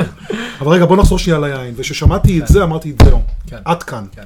זה בלתי אפשרי שמסעדה תעשה כזה רווח, שהוא בעצם, הכוס שלי מממנת לו שני בקבוקים. איפה נשמע דבר כזה? אה, ואז התחלתי לשאול אנשים ולדבר עם יקבים, לעשות קצת את זה עבודת תחקיר שלי, ובהסכמה די הדדית עם מסעדנים שהם, אני כן מעריך את דעתם והם לא רמאים, כי הלכתי גם למקומות שמוכרים, טוב בוא נפרגן, אתה יודע מה? בטח. אמורה מיו. כן. מקום עם יינות מצוינים גם מהעולם וגם גבירול? ישראל, כן, אבן? גבירול 100. שמוכר לך במחירים מדהימים, את היין, פשוט מדהימים. אתה אומר, הבן הם אדם לא לא רוצה מדהימים, הם להרוויח. פשוט פיירים. נכון, הם פשוט פיירים, הוא לא. רוצה 500 אחוז. הוא לא רוצה לעשות 500 אחוז הוא רוצה. כמו באיטליה, שעם המנה האיטלקית, הפסטה או הפיצה, יהיה יין ליד נכון, הארוחה. בוא- בוא נדבר רגע על העניין הזה של איך איך מתמחרים יין במסעדה. וחוזרים פה על אחוזים, וה- והקונספציה של אחוזים זה משהו שבאמת מאוד מאוד מקובל. אני ברשותכם גם אולי אציג איזושהי זווית אני קצת אשמח, אחרת. אשמח. אז הבסיס, מה שמקובל, תקנו אותי אם אני טועה, זה שמתמחרים כמו באוכל, אה, פי שלוש או פי ארבע. מה זה אומר? אה, יש את ה-food cost, זה, זה מגיע מאוכל בעצם.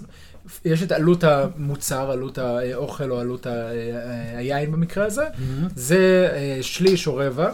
אה, על זה.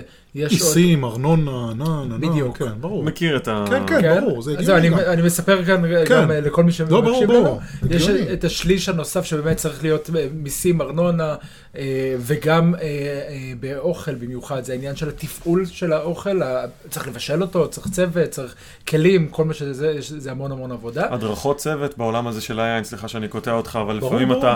אני כל פעם שנתקלתי במסעדה חדשה שנכנסתי אליה, בדרך כלל זה אנשים, יש שם 70 אחוז של מלצרים, שזה פעם ראשונה שאתה מדבר איתם על יין, או שזה מגלים שמרלו זה מרלו ולא מרלוט. נכון, נכון, ו... למשל, כן. או שרדונה הוא לבן, היה לי כבר ריב עם מלצרית פעם, אמרתי לה, אני רוצה שרדונה, איזה אתה רוצה, את הלבן או את האדום? אמרתי לה, אין אין שרדונה אדום, אומרת לי, תתפלא, והלכה. סיפור אמיתי. והלכה. והלכה, תתפלא והלכה. יפה מאוד. וואו, יפה. אוקיי. סורי, תמשיך. יש פה סיפורים, גם לי יש סיפורים. אין ספור, קברנט. כן, כן, קברנט. קברנט של מרלו. בכל מקרה, אה, קברנט של מרלוט. אז כן, כן, העניין הזה של צוות אה, מקצועי זה נכון, וחלק מהעלות בארץ זה שהצוותים המקצועיים בדרך כלל לא מקצועיים. אה, יש, יש הרבה יוצאים מן הכלל, אבל זה לא נתפס נכון, כמקצוע בישראל, נכון. ולכן יש עלות כבדה לבעל המסעדה, גם להכשרה של צוות, ואם הוא לא להכשרה, אז הוא מקבל תפוקה שהיא נמוכה יחסית נכון, מהצוות, נכון. כי, כי הצוות לא מקצועי. אז זה, זה לחלוטין, זה החלק שני. השני. החלק השלישי צריך להיות הרווח. שוב, שליש, שליש, שליש, שליש אה, עלות של חומרי הגלם, שליש תפעול, צוות וכן הלאה, שליש רווח. או רבע, רבע, רבע, עדיין רבע צריך להיות רבע. אף אחד לא מגיע כן, לשליש. כן. אני- עכשיו, כן, כשהעלות של היין למסעדה אה, אמורה להיות נמוכה יותר מהעלות של היין ללקוח פרטי בחנות. נתנו קודם את הנוסחה, 1.7. לצורך העניין, אם המסעדה קנתה את היין ב-50 שקלים, אה, אה, או סליחה, אם אנחנו קונים את היין ב-80 שקלים בחנות, המסעדה קנתה אותו כנראה ב-50 שקלים. אלה, זה בערך המפתח. זאת אומרת שיין, אה, ש, שנבין את המספרים, יין שקנינו בחנות ב-80 שקלים, צריך להימכר במסעדה לפי החשבון הזה באזור ה-150 שקלים. אני חושב שנוסחה כזאת תהיה לנו אה, הוגנת. מאוד. כן, הבעיה שאנחנו מסתכלים על ה-50-80. תסתכלו רגע על יין של, שעולה למסעדה 18 שקלים או 20 שקלים, 22 שקלים, ולצורך העניין קו או למברוסקו בישראל עולה למסעדה בסדר גודל הזה של המחיר. אז אנחנו מצפים עכשיו ממסעדה למכור את זה ב-55 שקלים לבקבוק, 60 למה שקלים לא? איך- לבקבוק. כמה אתה משלם באיטליה על בקבוק? או יין זול מאוד? כמה אתה משלם בצרפת? אה, צרפת ואיטליה, נכון, אני מסכים שיכול להגיע איפשהו למס... במסעדה ל-14 יורו במסעדה, אה, לבקבוק, אבל בדרך כלל זה יהיה עוד צפונה משם. תחשוב כמה יותר אנשים היו שותים, אתה מבין? זה המורה מיו. מה הוא אומר לעצמו? היין אצלי יהיה כן. בשיטה הזאת. אבל שותים אצלו בכמויות. והוא מוכר ב-60 שקלים בקבוק. כן, הוא יכול גם, לא יודע אם יש 60, ראיתי 80 אצלו. אוקיי, שאלה אוקיי, מה לא, אוקיי. אבל לא יודע אם יש לו למברוסקו אז, וזה. אז הנה בדיוק זה, זה, זה הנקודה שאני מנסה להגיע אליה. כי לדעתי הנוסחה הזאת של אחוזים לא רלוונטית ולא נכונה. הפודקוסט באוכל הוא די יציב ויש, ו, ושם הנוסחה באמת תופסת, אבל ביין יש וריאציה מאוד מאוד גדולה. יין, המסעדה יכולה לקנות בקבוק ב-15 שקלים. מכירים את הדברים האלה, ברור. ויכולה לקנות בקבוק ב-150 שקלים, ולא דין בקבוק של 15 שקלים כדין בקבוק ב-150. נכון. וזה אני, אתה יודע מה, אני לא מתווכח איתך, אפילו אני מוכן גם להסכים איתך, אבל בוא נגיד לך מה אמרתי למסעדות, בקמפיין שעשינו. אוקיי. מה שאמרתי להם, לא אמרתי להם, עכשיו תיקחו את הכל ותעשו, כמו שאתה אומר, 1.7, או תורידו את זה כמו שאני אמרתי להם, אל תרוויחו יותר מ-200 אחוז על כוס יין. אבל, שיהיה. אבל שיהיה אופציה. כי מה שקורה היום במסעדות, שאין אופציה. נכון. וגם הכי מרגיז זה לראות, דרך אגב, מסעדות שמעניקות אופציה בעיינות מיובאים, שהם הרבה יותר זולים, בדרך כלל שיבואן מביא אותם, נכון. מאוד זולים שהם קונים בגרוש וחצי, ואז עושים לך תואר, נותנים לך אותה כאילו ב-30 שקלים לכוס, שזה בעצם חמישה שקלים אה, במקרה הטוב אה, שזה לכוס. יש לי, יש לי בדיוק מה, אה, יש לי הרבה מה להגיד, כי דיברת, אם אני זוכר נכון, על 25 שקלים לכוס? זה לא, היה... אני רציתי 30. 30 שקלים לכוס, אוקיי. זה 30 גם הרבה, אבל 30 אמרתי, שקלים לכוס, הם מרוויחים. כן. אה, ואנחנו עוד מעט נדבר על, אה, אנחנו מכירים הרי את המחירים הסיטונאיים, המחיר שמסעדה קונה של יינות ישראלים. כן. לצערי יש לא מספיק יינות, אני, אני יותר פוליטיקלי קורקט אולי משלושתנו, אה, מס, לא מספיק יינות אה, בישראל ש, שמסעדה תקנה אה, בפחות מ-40 שקלים ותוכל למכור את זה באמת ב-30 שקלים לכוס, אה, ו, אה, ושהם גם ראויים להימזג במסעדה בכוס. אבל אם אתה לוקח על כל שאר הכוסות שלך 60-70, ואתה קונה אותם ב-60 שקל את הבקבוק, אתה יכול לעשות את ההנחה את שלך, ה-loss leader. כן, אוקיי. לכוס אחת. אוקיי, אני אמרתי אוקיי, דבר כזה, תנו אופציה לאנשים, אוקיי, אני מבין ביין, אני אבוא למסעדה ובא לי יין שאני יודע שהוא מאוד יקר וזה, ואין לי בעיה לשלם, כסף לא... אז אני כן. אשתה ב-50 שקלים, ב-60 שקלים כוס יין. למרות שאני כבר מזמן לא מזמין כוסות במסעדה, כן? קח בקבוק. ברור, נכון. אבל עדיין אנשים קשה להם עם הקונספט, בטח בצהריים, של לתקוע, הם לא, לא מבינים שלפעמים אם אתם יושבים בזוג אפילו, אתם נכון. כמובן משלמים פחות. אגב, לא, אז רק אני אגמור את המשפט. כן, אז מה. שאמרתי להם בסך הכל, כוס אחת בכל תפריט היין. נכון. כוס אחת. כן. והוויכוח הכי גדול שהיה עם חיים כהן, אה, שתפסתי אותו באיזה ראיון live כזה, שהרגשתי את לילה כלכליסט, והוא נורא, שמעתי כל הזמן, אה, הגיעו אליי כל הזמן ריקושטים, שהוא כועס, שהוא כועס, מה אני עושה, שאני הורס את התעשייה, שאני הורס מסעדות, בזה שאני דורש, אז הוא כמובן חשב שאני רוצה שכל התפריט יהיה זה, אז גם הבהרתי לו באותו שידור, שאני מדבר על כוס אחת, ואז הוא התחיל לצעוק, אתה לא מבין בכלל מה ההוצאות שלי, יש לי פה כוסות רידל, אתה יודע מה זה לקנות כוסות רידל, אתה לא מבין מה זה, אני קונה כוסות רידל, אמרתי לו, כל הכבוד לכוסות רידל שלך, שבוא נגיד לצופים שלנו שנחשבת כוס אה, קריסטל מאוד יקרה ליין. וכולי וכולי, אה, יש לך פה איזה גילוי נאות לעשות אז יש לי תכף. שני גילויים. אז לפחות. רגע, אני אגמור את הסיפור. אמרתי לו, לא מקבל את הטיעון הזה. אז כמה אתה קונה כוס? אתה. ב-50 שקל כוס, לא יודע כמה אתם מוכרים, כמה רידל כאילו מוכרים למסעדה. 100 שקל, יופי. יש לך מלאי של כוסות, איתו אתה רץ עכשיו שנים קדימה, כוסות שבדרך כלל גם לא נשברות. אצלי לפחות הם לא הצליחו להישבר בינתיים. וזה לא טיעון, זה לא סיבה ולא תירוץ. אוקיי. לתת יין אחד במחיר נורמלי. אוקיי. אה, ריב איתו היה, עם טוטו, עם טייזו, כל המשרדות, וכולם, כולם נתנו בסוף. יפה. כי זה הלחץ שלנו. יפה. כולם נתנו כוס יפה. ב-30 שקל. מדהים. והתפקיד כל הכבוד. שלנו... טייזו וטוטו כן. וכולם. התפקיד שלנו בסופו של דבר כצרכני יין, ואנחנו אנחנו שנינו גם אה, עוסקים בזווית מסוימת גם אה, מול מסעדות, אבל אה, עיקר העבודה שלנו, אני חושב, זה אה, מול צרכני יין, זה לאפשר באמת, ולגרום לצרכנים לשתות יותר יין, ו- יש לך גילויים נאותים שצריך להגיד כן. אותם עכשיו. כן, אז בואו נעשה את הגילוי לא, נאות. פשוט גיליתי את זה היום, הסיפור שלי על חיים כהן והרידל זה סיפור שאני מספר אותו תמיד, וגם ראו אותו בטלוויזיה, עכשיו אני מבין שאתה קשור אז לזה. שני גילויים נאותים בהקשר הזה. א', את ההקמה של יפו תל אביב של חיים כהן, אני עשיתי את החלק של הבר ואת היין, אז יש לי יד בעניין הזה. אני לא אקח המאזינים שלנו אחריות, יודעים, הם מכירים אותך כבר? אני לא אקח- לא אקח אחריות מלאה על כל התמחור של היין, היה יועץ יין נוסף לא. שהוביל את העניין, אבל כן, כן לחלוטין הייתה לי שם יד. אה, וגילוי נאות שני, אה, רידל, אני השגריר של רידל בישראל. אמ, וכן, אני, אני רוצה לחזור רגע לעניין של התמחור של הבקבוק, כי בסופו של דבר כוס נגזרת של בקבוק. וככה מתמחרים. נכון. והנוסחה שאני רוצה להציע היא, היא, היא אחרת, והיא תתייחס עוד רגע לעלות של, ה, של הכוס עצמה, של הגביע. אמ, הנוסחה שלדעתי צריכה להיות נכונה, זה שמסעדה צריכה לתמחר יין כמו בחנות, פלוס מה שנקרא... חליצה. חליצה. כשהחליצה מייצגת את איכות השירות של היין שניתן במסעדה. ולא רק של היין, אלא בכלל את איכות השירות. כי ברגע שבן אדם יושב עם בקבוק יין במסעדה, הוא יושב 20% יותר זמן, סטטיסטית. כי נעים לו, ונוח לו. הכל הרבה יותר נוח. אם ה- אם האוכל מתעכב ויש לך בקבוק יין, אז הטקס... רגע, אבל אני רוצה ואז- שנייה, חליצה. מה זה חליצה? כי גם פה יש טריקים, אפרופו אייל שני, אני לא יודע אם נכון. אתם יודעים מה קורה בסלון. בסלון שלו? או בסלון... לא, בסלון, יש לו מסעדה. יש לו מסעדה בשם הסלון, וקיבלתי המון המון, ואני פשוט נמאס לי לטפל בו, המון תלונות לפייסבוק שלי על מה שהולך שם עם חליצה, בסוף כבר לא התעסקתי עם זה. אנשים כתבו לי שהוא לוקח פר בן אדם, לא פר בקבוק. כן, כן. 25 שקלים. כן. זאת אומרת, אם באים עשרה אנשים, ישלמו 250 שקל חליצה על בקבוק יין אחד.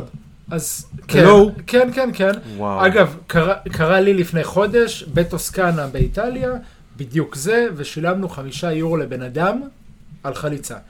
אני לא אומר שזה לא לגיטימי, אני חושב שזה לגיטימי, שנייה אחת, אני חושב שזה לגיטימי, בתנאי שיש לזה הצדק. איזה הצדק? אה, אה, וזה קיים גם בעולם, איזה הצדק? אם יש כוסות באמת מאוד מאוד טובות, ואם יש מפות מאוד יפות, ואם המקום סופר מושקע, ואם הסלון וכן הלאה. וכן הלאה, זורקים. עליך עגבנייה, על מה אתה מדבר? שוב, לא נכנס אליו ספציפי, לא מכיר, לא הייתי, לא גם יודע. אני לא הלכתי לשם. כן, אבל כן, לא. אבל כן, אה, אבל אני חושב- בסלון שלי יש אוכל מעולה. אני חושב שאם אנחנו, אה, עם ה... אה, במסעדה שבה יהיה שולחנות עץ פשוטים, בלי מפות, וכוסות יין, אה, גביעי יין אה, פשוטים, אז אה, הגיוני ש... או שלא תהיה חליצה, או שיהיה משהו סמלי, 20, 30, 50 שקלים, סדר לא, אפשר גודל גם לקחת כזה. פר סועד, אבל עד שאתה כן. מגיע ל-50 שקלים, או כן. 70 שקלים, או 100, אתה יודע, גם 100 שקלים זה נראה לי מוגזם. אני גם טוען שאם מסעדה מחזיקה יין, אני יכול להבין אותה שהיא כועסת, אם אתה מביא את אותו יין אה, בדיוק. מהבית, אבל... ואז הם יענישו אותך ומגיע לך, אולי, אלא אם כן הם באמת... מה זה יענישו? במחירים מטורפים כאלה של חליצה. העניין של להביא יין מהבית, אני גם בעדו לחלוטין, אבל קצת פספסנו פה את העניין, אנחנו קצת לקחנו את זה למקום הישראלי שלנו, אני נכון. חושב, של להביא יין מהבית. להביא יין מהבית צריך להיות כי זה יין מאוד מיוחד. נכון. כי זה יין שאנחנו רוצים לחגוג איתו. נכון, שאין אותו במסעדה.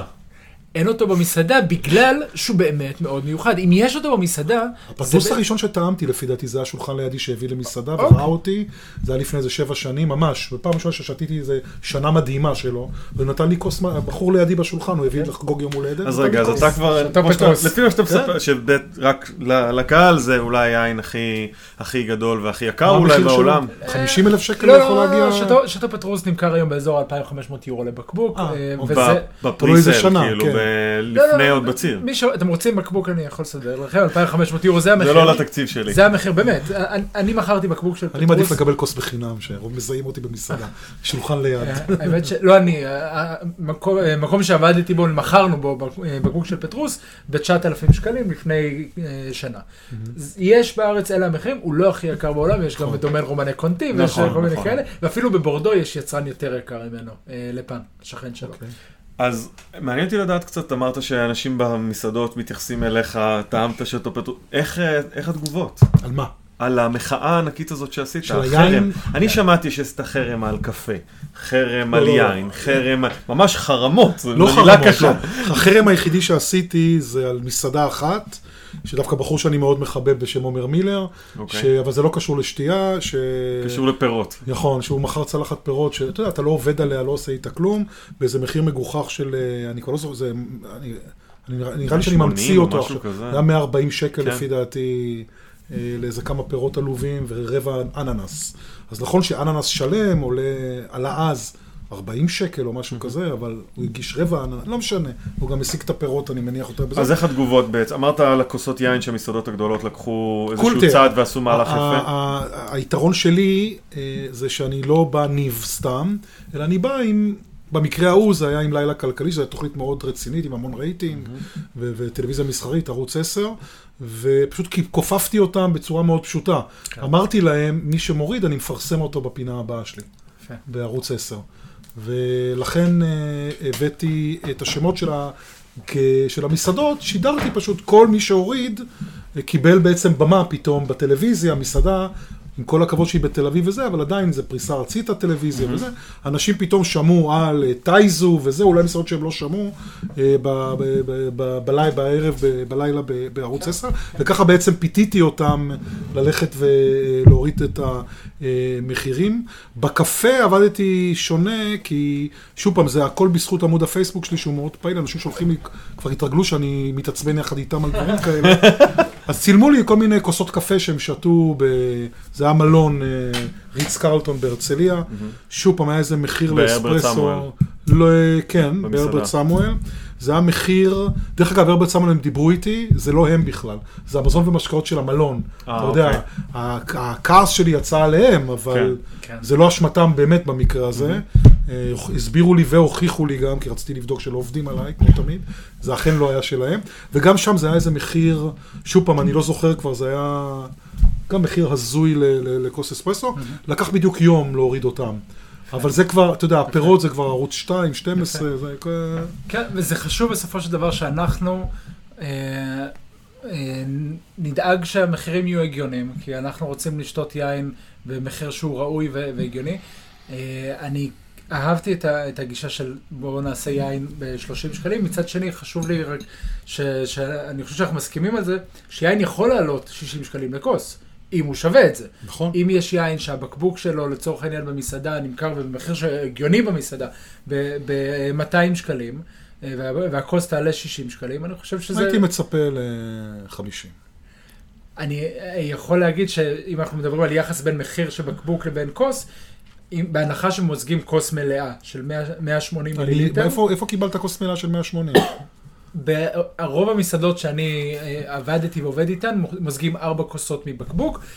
אה, ארבע כוסות מבקבוק זה יהיה 170 מיליליטר. בסדר, זה כמעט מלא, לפעמים בסוף יישאר טיפה כי פספס המלצר או, או הברמן, אבל בהגדרה זה ארבע כוסות אולי כי מכירים אותך. אני חושב שבאמת, כי אתה בתעשייה וזה, אני גם היום מקבל, כי אני נכנס, הפרצוף שלי מוכר, אז אף אחד לא ייתן לי... אבל תדע לך שאני זוכר, עוד לפ- שלפני שהייתי בטלוויזיה, בפנים מוכרות, שהייתי זה, אולי משהו השתנה בשנים האלה, בעשור האחרון. אבל אני זוכר שהיה מקום אחד שהתגאה בזה, שאצלהם נותנים תמיד, וזה היה בית תאילנדי, שזה היה חלק מהחשיבה שם, למזוג כמה שיותר יין אה, בכוס, מצידם כמעט, לא קידוש, כן, אבל אה, קרוב לזה, ו- וכולם היו מדברים על זה, איך אתה שותה שם יין בכמות כזאת, וכל שאר המסעדות שהייתי תמיד היו, שוב פעם, הם לא כמו בגרמניה, שזה מסומן לך, נכון. שזה כן. נורא ואיום, שזה אגב לרידל. יש כוס מיוחדת שמיועדת למסעדות, עם סימון עדין מאוד, ודיברנו הרי... באיזה גודל? 170? כמה? מעניין, 180, יש 120? להם שם שלושה אה. כוכבים, שאתה יכול לבחור איזה, איזה כמה גודל, קמצן אתה רוצה להיות? איזה גודל אתה רוצה להציע. אה, אני ראיתי אגב ו- במסעדות. עכשיו, כן, במסעדות אה, משתמשים באיזשהו כלי מידה, כן, נכון. וממש מוזגים את זה לתוך הכוס, השאלה איזה איזה איזה כלי מידה, אבל כמה? של 170 מיליליטר, כן, זה מה שצריך 170. להיות. זה הנוהל, כאילו, זה- ככה צריכים להתנהל. כן, כן, כן. כש... תעשו הרבה עבודה במסעדות, ת- תלמדו אותם. אנחנו, אנחנו עובדים על זה, עובדים מאוד קשה, כשבעצם אה, הגיוני בעיניי שאם אה, אה, המסעדה מוזגת ארבע כוסות מבקבוק, אז מחיר הכוס יהיה סדר גודל של שליש מבקבוק. כי הכוס האחרונה, אוקיי. אה, אולי תש... אה, לא תצליח למכור אותה, אה, אתה גם לכלכת פה אה, אולי יותר כוסות, אתה התעסקת יותר ביין, הגיוני שיש איזשהו קנס על זה שלא לקחת בקבוק, אלא לקחת רק כוס. משלם קצת יותר מרבע. זה, זה בעיניי. זה 30 שקל אם אתה יין של 100. מהמם. לחלוטין, לחלוטין לגמרי. הבעיה היא שיין של 100, וזה כבר מה שרציתי להגיע אליו קודם, יין של 100 גם מוציא מעט מאוד במסעדות בישראל. היום זה 180 המינימום לפי דעתי. תלוי, ככה אני רואה, לא תלוי, ראיתי משהו. כן, כן, תלוי. לא, יש פחות. גם, יש. גם פחות, אבל זה קפץ. כן. זה קפץ משמעותית. כן, כן, וה- והלוואי שיותר, ולדעתי אנשים ישתו יותר, ו- ודיברת על אה, צהריים, אז אם אה, בארוחת אה, צהריים יהיה את העסקית שאתה יכול להוסיף את ה-12-15 שקלים ולקבל כוס יין לבית, אני חושב שזה זה יכול להקפיץ, וגם מקומות שעושים, וראיתי שזה קיים, כן. אז הצוות צריך אולי קצת עוד להכיר, והלוואי שכולנו נשתה יותר יין, ואני חושב שזה זמן טוב לשתות אולי קצת יין. יאללה, יאללה. בכיף. Uh, טוב, אז uh, פרסמנו בקבוצת הפייסבוק שלנו מוצר צריכה בסיסי, uh, פורום יין, פרסמנו את היין שאנחנו נטעם היום, uh, וככה אתם תוכלו לשתות אותו ביחד איתנו, לטעום ביחד איתנו. אנחנו היום מתבססים על uh, מר גלבוע שייתן לנו את דעתו המקצועית. זה אנחנו נדבר קצת על ינות לבנים ואני, יש לי... בוא נדבר עכשיו. אני אישית בקושי שותה כמעט ינות, זה חבריי הטובים. לבנים? אתה כן. לא אוהב לבנים? יש למה? לי איזה, לא יודע, א', זה כמו שהפעם לא, עד גיל אה, 22 לא אכלתי דגים. אוקיי. אז לבנים, אה, יין אדום נותן לי כל כך הרבה, כן. ההנאה שלי ממנו כל כך גדולה, שאף פעם לא, אפילו השבלי הכי יקר, לא, או הכי נחשב, לא, לא הצליח להתקרב אצלי מבחינת ההנאות שאני יכול להפיק מיין אדום. יסלחו לי אוהבי היין, אה, אני מקבל הרבה נזיפות מסריאל. כן. שכועס עליי, אה, ובצורה הפגנתית תמיד מזמין שאני איתו יין לבן, שאני לפחות זה, ותמיד אני שותה, ולא לא מתחבר. זאת אומרת, אני יכול ככה, ליהנות, ב- בקטע גורף? בקטע מאוד גורף. וואו. ברור שאני לא יכול לשתות את כל ה- המתוקים והגבורצים והזה. זה בכלל אתה זה לא... בכלל אני לא יכול. אני גם אם לא. מאוזנים, זאת אומרת, גם אם אתה מקבל איזה חומצה טובה, ו... לא, שום דבר? כלום. טוב, אז אל תקשיבו לו, חברים. ניב הוא לא מדגם לא, אני מייצג. בעניין הזה. אמ, אנחנו היום תואמים את אה, עמק ברכה של אה, יקב גוש עציון. אמ, הוא מוגדר הלבן שלהם. אמ, 2013, זה היין שאנחנו פרסמנו בקבוצה, ואתם, אה, מקווה שרכשתם אותו ואתם יכולים לטעום אותו ביחד איתנו. כשאתם יכולים גם לשתות בציר אה, אה, אה, צעיר יותר, אה, אני חושב שבשוק היום צריך להיות סדר גודל של 2015 או 2016. אנחנו מדברים על יין אה, שהוא אה, אה, 40% ויוניה, 40% רוסן ו-20% שרדונה. רק שאני אתקן ד- ד- דימוי שדבק בי הרגע, בטעימות יין וכולי, אני תמיד שותה גם יין לבן, כן? בואו לא נגזים. אמ, כן, וקרה לנו פה משהו מדהים. אה, אנחנו מריחים את ה... הדבר הראשון שאני מריח ביין, אני מריח בו איזשהו... אה, בוא נקרא לזה קרטון רטוב, איזושהי תחושה של היין שם. הזה קורקי, אני לא נעים להגיד את זה. יש תחושה, לא, לא, לא, אבל ישר אתה ראית, ישר, אה, אני, מה שעשיתי פה זה סימנתי לגיא שיריח אותו, וזה קורה. אה, זה אפשרי, אגב. זה ה- 0.7, לא? מכל הפקקי שם בעולם, לפי אה, דעתי. אני שמעתי כבר שזה עלה אחוז. חבר'ה, תתחילו. לעבוד עם פלסטיק, זה לא כזה נורא, אנחנו פלסטיק. ביקב בקליפורניה, בסונומה, אנחנו עובדים עם אה, פקקים שהם מין תרכובת של קנה סוכר. יש בהם חורים בצורה כזאת שהם מייצרים את המיקרו-חמצון. הסיבה שאנחנו משתמשים בפקקי שם הוא בעצם שהשם הוא נושם, ואז מה- גורם לזה שהיין יכול לנשום קצת ולהתיישן עם הזמן. היין הזה שפתחנו הוא אה, קורקי, זה יין שהוא בעצם אה, מקולקל. אה, אתה יודע שרוב האנשים באמת לא, ולא רק אנשים, אני ראיתי כבר דוגמאות שהחזרתי בארץ למסעדות יין קורקי, והם לא הבינו על מה אני מדבר. שזה נורא ואיום, חלק, אפרופו מה שדיברנו על ללמד ו- ולהכשיר אנשים שעובדים בתחום המסעדנות ביין, שלא משנה שאתם שניכם למדתם ואתם מבינים ויש לכם את התארים, אני לא צריך לספר לכם שסומליה בישראל זה כמובן לא סומליה כמו נכון. שאנחנו אה, מכירים למרות בעולם. שיש התפתחות, לא, יש יש התפתחות, התפתחות. אני מסכים, יש התפתחות. ה-WSET, אנשים שמתחילים ללמוד, אבל קרה כבר שהחזרתי יינות ולא הבינו מה אני רוצה מהם, הוא לא מקולקל. יש לו ריח מוזר קצת, אם אומרים לך, אבל הוא לא מקולקל. זה היין. בחו"ל. אז uh, באמת חשוב להבין שמבחינה מקצועית... בקיצור, אה, ניצלתי, אני מבין, מהלבן. כן, אתה רואה? בבקשה. אלוהים איתי, אין לבן. מלאכתם של צדיקים נעשית בידי אחרים. אה, גיא פה מביא בקבוק אחר, אנחנו אה, כמובן נפרסם את היין החדש הזה, וגם עדיין נמליץ לכם על היקב הזה, על עמק ברכה ועל גוש עציון, הם, הם יופי של, זה יופי של יין וקצת חבל, אבל אנחנו ננסה אולי לטעום אותם בהזדמנות כן. אחרת. זה קורה. אה, לא, זה באמת לא אשמתם, צריך להבין שהיקב לא אשם פה בכלל. אז מה שחשוב להבין באמת, לשנייה הזאת, אחת, כן. זה איזושהי מולקולה שנקראת TCA, היא נמצאת ב, בתוך השעם, זה כמובן, אם אנחנו נלך קצת יותר רחוק, אז הש, הדרך שמייצרים את פקקי השעם זה חורצים בתוך אה, הקליפה של עץ אלון השעם, בדרך כלל זה אה, פקקים שמגיעים מפורטוגל, אה, זו היצרנית הכי גדולה בעולם, הם בעצם חורצים, אם תדמיינו שהקליפה של העץ היא בעצם עבה, אה, מצליחים לחרוץ בפנים ולייצר איזושהי, איזשהו פקק שהוא נושם, יש בו חורים קטנים שגורמים למיקרו חמצון, לחמצון המאוד מאוד עדין של היין, שהחמצון הוא בעצם גורם לזה שהיין מתפתח ומתיישן עם הזמן. אה, העיינות האלה הם בדרך כלל, יש להם ריח של קרטון רטוב, כלב רטוב, אני מקווה שאני לא נשמע פלצן מדי, אבל אה, באמת זה, אלה הריחות. עכשיו הרחנו את זה, יש מין ריח של תחב גם, אה, זה יכול להיות אגב איזשהו אלמנט נוסף בעיינות שהם תקינים, אבל כשזה, אתה לא מריח שום דבר חוץ מזה, אין לך לא פרי ולא שום ריחות נוספים, פרחים, תבלינים, אלא רק הריח הזה של השם, אז בדרך כלל אה, העיינות האלה הם נחשבים קורקים, שזה יין פגום. את העיינות האלה, אם זה קורה לכם, במסעדה או בחנות יין, אנחנו רוצים להחזיר את זה בחזרה ל, ליצרן, ליקב, ל, אה, לחנות. אה, בינתיים גיא מביא לנו פה כוסות. לא. תדע, אני חייב לספר משהו. אני למשל הייתי שותה יין אה, השרוף, איל פרושטו, אתם מכירים אותו? יין מאוד אהוב עליי. הייתי שותה... טוסקן. כן, כן, הייתי. שותה אותו בקבוע, זה היה העין הקבוע שלי באחת המסעדות שהייתי הולך אליה בארץ, כן. ופתאום שמתי לב שעל כל שני בקבוקים אני מקבל בקבוק קורקי. אוקיי. משהו שהוא קורה? כן, קורה שם, אוקיי. בר- זה קרה לי כבר, זה קרה לי פתאום, אחרי חודשיים, אה, פתאום הבנתי שמשהו, משהו שם לא בסדר, אה, ואמרתי לבעל המסעדה, הוא לא אמר כלום ל- ליבואן, אה, והיבואן יום אחד בא לשבת איתי שם, ואז סיפרתי לו את זה. אז הוא נורא התרגז על בעל המסעדה, ואמר לו, למה לא אמרת לי? לא, לא נעים לי, מה זה? הוא אומר, אתה לא מבין, אנחנו א', מדווחים על זה ליקב. עכשיו, מה התברר בסוף? זה, טעיתי בזיהוי הריח.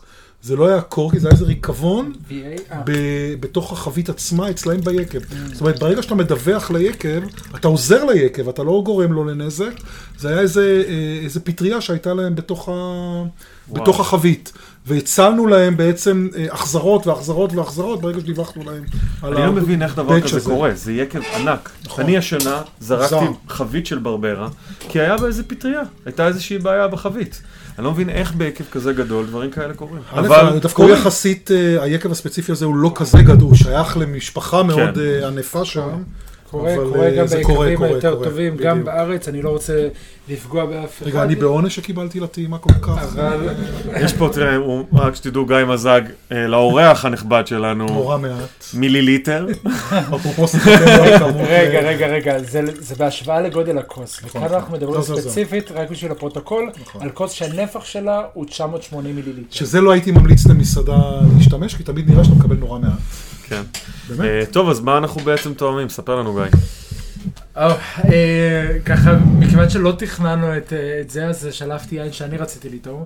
אז הרווחנו. כן, נאלצים לטעום יחד איתי. זה יין שיגיע לארץ בקרוב, עדיין לא נמצא בארץ. אוקיי. אה, אה, יקב שנקרא טרס אסס, שלושת האסים. אה, מריברה דל דוארו, שלושה חבר'ה צעירים שהחליטו שהם מקימים יקב ברמות הכי טובות, הכי גבוהות אה, אה, ש- שאפשר בריברה דל דוארו. ספרד. ספרד, אה, שעה וקצת נסיעה צפונית ממדריד, כשרק לסבר את האוזן, ריברה דל דוארו נחשב אזור האזור, הכי כן. מוערך ב- בספרד היום, העיינות הכי גדולים בספרד מגיעים משם, והיין הכי הכי הכי יקר היום בספרד, אה, זה יקב שיושב שם שנקרא פינגוס.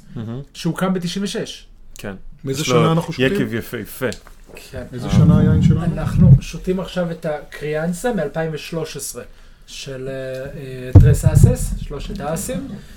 אה, יין שישב שנה בחביות עץ סלון, וישב אחרי זה עוד, אה, לדעתי עוד שנתיים, שלוש שנים אפילו ביקב לפני שהוא יצא משם.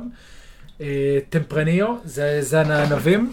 אה, גם בארץ כבר משתמשים בו, לא? יש בזה כמה ימים יש, יש, יש, יש. זה עדיין אה, מנסים למצוא כן. את הדרך לעשות. זה זן מעולה, הוא, הוא מאוד אוהב חום, הוא מאוד אוהב שמש, הוא יכול להתאים ממש טוב לארץ.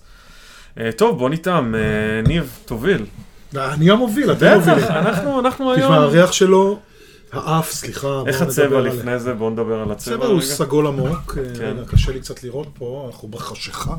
אנחנו אבל בחשיכה. נכון, הוא נראה לי. ככה, כן. נכון, הוא סגלגל יש עמוק. בו גם איזושהי אה, תחושה של סמיכות מסוימת. נכון. הוא נראה, רואים את הדמעות, הוא נראה כזה, שיש לו איזה סמיכות, צמיגיות מסוימת. אה, אפילו איזה שהם, אולי טיפה סימני גיל, אה, אפילו שהוא מ-2013, אבל יש תחושה שהוא... דבר על הסימני גיל בראייה. אני רואה שיש בו איזושהי קטמטמות מסוימת, ב... אם אני מניח את הכוס ב-45 מעלות, ואז אני רואה את הבסיס שלו, ואז את השוליים. את השוליים. אני חושב ש, שכאן ספציפית, אנחנו מדברים על זן ענבים שיש לו קצת קטמטמות נכון, בצבע נכון. שלו. אה, ומצד שני, המרכז הוא מאוד מאוד מאוד סמיך. נכון, אה, מאוד אטום, ולכן המרכז נראה באמת בורדו אפילו סגול, נכון. אה, והשוליים, אנחנו רואים קצת את הגוון של ה- של היית הזן שם אותו. בדקנטר? זה יין- שאפשר לשים בהחלט בדיקנטר, נכון, כן. כן. דיקנטר, הכלי המעוגל והגדול שנותן נפח נוסף, הנפח הזה הוא מאפשר שהיין, אני נותן את התיאורים המקצועיים פה בשולחן. לא, כי אני אה, לא משתמש בדקנטר, יש לי איזה פטנט שאצלי עובד, בדקתי אותו על דקנטר. אוקיי, איזה מכשיר כזה, אה, קשה אפילו לתאר אותו, אוקיי. שעומד על ש- רגל, על זרוע, שעובר כמה תהליכים, היין עובר שם גם סינון, דרך אגב, אם יש לך חתיכות וזה, וגם איזה שבשבת ועוד איזה כמה דברים שאתה לא רואה אפילו. שבשבת. יש משהו שמסתובב, מכניס אוויר. חידרור. ו- והחידרור עובד כן, בעיניי, אני לא ראיתי את זה ממש, כן, כמו כן. לשים שעה בדקנטר, באמת, ואתה מרגיש שזה בעינות. אז אני לא משתמש עוד. נדבר על דיקנטרים כן, בהמשך, כן, כן. אפרופו לרידל יש דקנטר בצורת אה, איבר מין זכרי שראיתי באוסטריה, ושהעליתי אפילו באינסטגרם שלי לפני שנתיים. לרידל ממש. בלי בושה. לרידל עם-. יש איבר מין ושתי ביצים. כן, כן, עם כן. שתי ביצים. לא ראיתי דבר כזה. לרידל יש דיקנטרים יפהפיים, נכון. מדהימים, יקרים נורא, אבל, כן. אבל, אבל, הכל עבודת יד, ואני יכול להגיד לכם, הייתי במפעל שמייצר את הדיקנטרים, אפשר ללכת לבקר גם? אפשר ללכת לבקר זה. בקופשטיין באוסטריה, פתוח למבקרים, אה, והדיקנטרים זה עבודת יד, והם נמצאים בשלושה חודשים דיליי עם הזמנות פתוחות לדיקנטרים. אם אתה רוצה להזמין decanter ב Riedel, קחו בחשבון שזה יכול לקחת שלושה חודשים עד שזה יגיע, אפילו יותר, עד שזה יגיע לארץ. יפה, אז אני רק אסיים מה זה דיקנטר. ומה הוא אה, עושה? אז דיקנטר בעצם זה מין כלי אה, שהוא בקצה שלו, אה, בוא נגיד הוא קצת, שוב, יש מלא עיצובים וכולי, אבל הבסיס, הרעיון של הדיקנטר הוא לפתוח את היין, זה כלי רחב, שבו יש יותר שטח פנים וככה יש יותר מגע עם חמצן, וכמו שאנחנו, כמו שהחבר שלנו מימיני, שזה גיא, סיפר לכם איך לאוורר את היין, איך לפתוח אותו מבחינת החמצן, אז אותה פעולה בעצם שאנחנו עושים בכוס, שמנערים את הכוס, זה בעצם מה שאנחנו רוצים שהדיקנטר ייתן לו. כשאנקדוטה מעניינת, שאני לא, לא יודע אם החברים שלי אפילו כאן מכירים, לא כל כך ידועה. אמ, אה, למה הומצא הדיקנטר? מאיפה הגיע הדיקנטר? הדיקנטר הומצא עבור שמפניה, Hmm. כשהמקור היה... מה, להוציא ש- את הגזים ממנו? לא, מבין. לא, לא. המקור היה ששמפניה כשעשו בהתחלה הייתה מלוכלכת, הייתה אה, מעוננת, כי היו, אה, היו נשארים השמרים המתים בתוך המשקה. משקעים. בדיוק.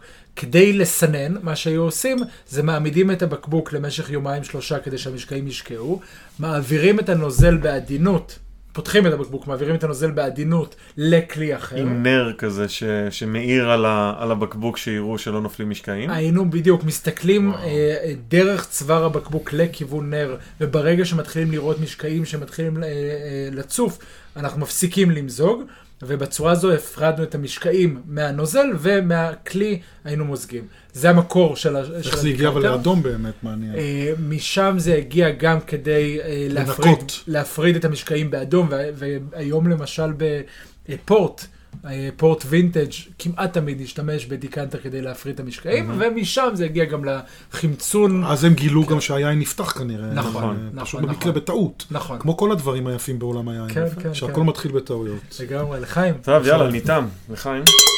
אז אה, דיברנו על, המראה, עכשיו האף, מה אתם אומרים על האף שלו? אתם תתחילו. יש לנו אף מאובק קצת, אה, מסקי, ריח של אה, אה, קצת אה, מערה, טיפה תחב, אה, קצת... אה, זה אה, אחלה דוגמה, כי מקודם היה לנו תחב רע, וזה דווקא תחב טוב. טוב. נכון, נכון. אה, יש איזה משהו קצת אה, אפלולי כזה, משהו קצת מלוכלך אפילו ביין כן, הזה. כן, כן, כן, מאוד אופייני לאזור. קצת בשר, אה, משהו טיפה מעושן אפילו, אור. Mm. כן. זה, זה הכי, אה, אני זוכר כמה זמן לקח לי באמת לנסות לבודד את ה... בטעימות מקצועיות שהשתתפתי הרבה, ולמדתי בעיקר כמה קשה לבודד את הנושא הזה של האור, עד שאתה באמת נזכר במעיל אור הזה החדש. נכון. ממש כי ריח של אנשים שאתה. אומר להם אור, הם אומרים מה, מה, מה, מה, מה, מה הקשר בין יין לאור? נכון. פירות יער הם יכולים להבין, כן. אה, דומדמניות אה, וכולי. יש פה אור, זה- אבל יש כאן באמת אור. יש גם פרי, אתם מרגישים קצת אה, זה? כאילו מדברים על דברים קצת יותר כן. עמוקים, מתובלים, דברים נכון. כאלה. יש לנו באמת יותר, מתחילים עם הריחות השניוניים, הריחות של התהליך, של החבית, של, ההתייש... של השמרים, ואנחנו מתחת לזה מוצאים גם את הפירות. בעיניי יש פה פרי, ובטח אם, במיוחד אם אנחנו נטה את הכוס הצידה, כך שה- שהכוס כמעט שוכבת, ואנחנו נריח מהחלק התחתון של הכוס, אנחנו נרגיש יותר את הריחות של הפירות שהם כבדים יותר. נכון. אה, ריח קצת של פירות יער שדיברת עליהם פטל. יש בשלות מסוימת, פרי בשל, פטל. פשוט יין מצוין. מה התמחור שלו הולך להיות בארץ? רגע, רגע, אתה רץ לי אני לתמחור. רוצה לדעת כמה- לשלם על כוס במסעדה. אה, רק אה, משהו אחד קטן לגבי מה שאתה אמרת, אז אמרת ריחות שניוניים, אז בעצם הריחות הראשונים זה ריחות הפרי, הריחות שמגיעים בעצם מהתסיסה הראשונית של היין, אחרי זה ריחות שניוניים, זה ריחות שקשורים לתהליך של שמרים, עישון היין, חבית, אה, ואחרי זה ריחות שלישוניים, שזה כבר הריחות המתוחכמים, ובדרך כלל זה מגיע בירינות שהם יותר מיושנים, זה ריחות יותר עמוקים, אדמתיים, פטריות, אה, פטריות כמהין, דברים שהם יותר עמוקים, והם קשורים לעישון של היין, לכמה זמן הוא התיישן, לתהליך שהוא עובר. ההתבגרות של היין כבר אחרי שהוא יצא מה, מה, אה, מהייצור שלו, לא הזמן שהיין נמצא בחבית, אלא מה קורה עם היין אחרי זה נמצא בבקבוק ו-10-20 שנה ומה שקורה לו. אחלה, אז, אה, אז יש, פה, יש פה המון מורכבות באף, ממש אף מורכב. נעבור לטעימה עם הפה.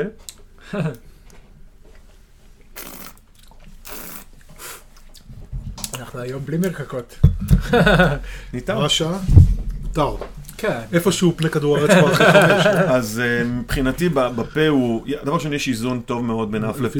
כמו שהיין מאוזן גם נורא, מבחינתי. מאוזן. אני לא מבין כמוכם ב- ב- בנושאים. אנחנו גם לא מבינים. את לא, אתם בטוח יותר מבינים ממני, כי טעמתם יותר ממני וגם למדתם. אני לא למדתי, אני אוטודידקט לחלוטין בזה, ויש לי עוד הרבה מה ללמוד, אבל בעיניי, אם אתה שואל אותי אם טעים לא טעים, ברור שזה יין מאוד טעים, וב' אני, ההרגשה שלי, וקשה לי לפרק אותה אולי במילים, זה יין מאוזן, הוא בול איפה שהוא צריך להיות עכשיו מבחינתי. ממש. אה, אז באמת בחוויה, אז אה, דיברנו על זה בפרק הקודם, שאנחנו טועמים שונה, אני טועם יותר רגשי, טכני רגשי, גיא יותר טכני רגשי טכני.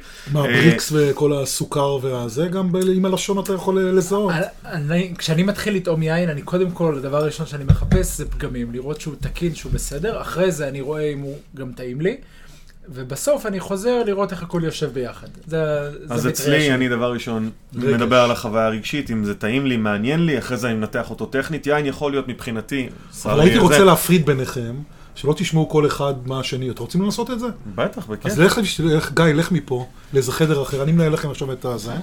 אתה מה זה. תגיד לי אה, תכף את השליש, את, ה, את ההתפתחות שלך לגבי היין הרגשי, אחרי זה הטכני, ונסיים, ואז נקרא לו ונשמע מה הוא אומר. עכשיו, מה אתה אומר? ברצינות, גיא הלך מאחר, באמת. יצא, יצא וסגר לחלוטין, כן. אז אה, אנחנו, הוא לא שומע גם מה אני אומר. יאללה, זה ממש מעניין. אז מבחינתי היין הזה ברמה הרגשית, טעמתי אותו, הוא מאוד מעניין. הוא מאוד, היה לו איזה משהו פאנקי כזה, משהו טיפה למלוכלך.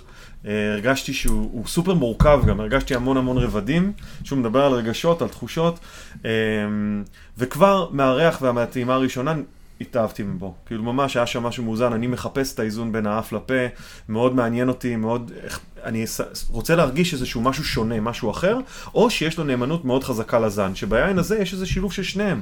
הוא גם, יש בו איזה משהו אחר שונה, אבל גם אני מרגיש שזה טמפרניו. אני מרגיש שזה מגיע, מגיע יש לו גם את הגוף, יש לו את הגודל. אה, מבחינת הטעם, אז רגע, אז עברנו, ניתחנו רגשית, אנחנו מדברים על טכנית. אז אחרי זה אני מנתח אותו ברמה הטכנית. מנתח? אז נגיד לדוגמה באף אני מדבר על אה, כמה דומיננטי, כמה הוא, אה, אה, האם הריח שלו... דבר הוא... על היין. אז זה ספציפית, אז, כן. אז אני מרגיש שיש לו אה, באף, הוא יחסית די, אה, עם, עם, עם אף שהוא יחסית די דומיננטי. אה, יש לו, אה, אה, התחושות מאוד מובהקות, כל האלמנטים האלה שמצאתי בתכונ, בתכונות הרגשיות, מתחברות לי גם ברמה הטכנית. זאת אומרת, יש בו את הפרי הזה ואת הפרי הזה ואת הטיבול, מה שאמרנו, שהוא יותר, אה, שזה ריח כזה אדמתי או משהו. ומבחינה טכנית בפה, אז אני, אני תואם אותו, אני מריח כמה, אני מרגיש כמה חומצה יש לו, מה כמה? תנינים יש לו, אני חושב שיש מה? לו חומצה טובה, חומצה זה החמיצות שלו, אני חושב שיש לו גם גוף טוב, הוא יושב טוב בפה, הוא ממלא את חלל הפה. נכון? התנינים הם בדיוק כמה שאני צריך. יש איזו תחושה שהוא מייבש את הפה בצורה ממש מאוזנת. אני אוהב יינות טאנים, אני אוהב שיש טאנינים גבוהים, אה, סגרנטינו נגיד זה אחד הזנים שאני הכי אוהב. יש פה גוף, יש פה גם, יש, אה, מורגש שיש לו אחוז אלכוהול טוב. זאת אומרת שיש, הוא, הוא יין בשל, הוא יין טוב, הוא לא אלכוהולי מדי, הכל אצלו יושב בצורה מאוד בוא מאוזנת. עכשיו אני מ-1 עד 10, תן מספר, בשקט תלחש, גם אם הוא מקשיב מאחורי הדלת, למרות שהוא לא. אמ, קשה אני יודע מאוד. שקשה, אבל תן. אני אתן לו שמונה וחצי, יופי. שמונה נקודה שבע אפילו. אוקיי. גיא!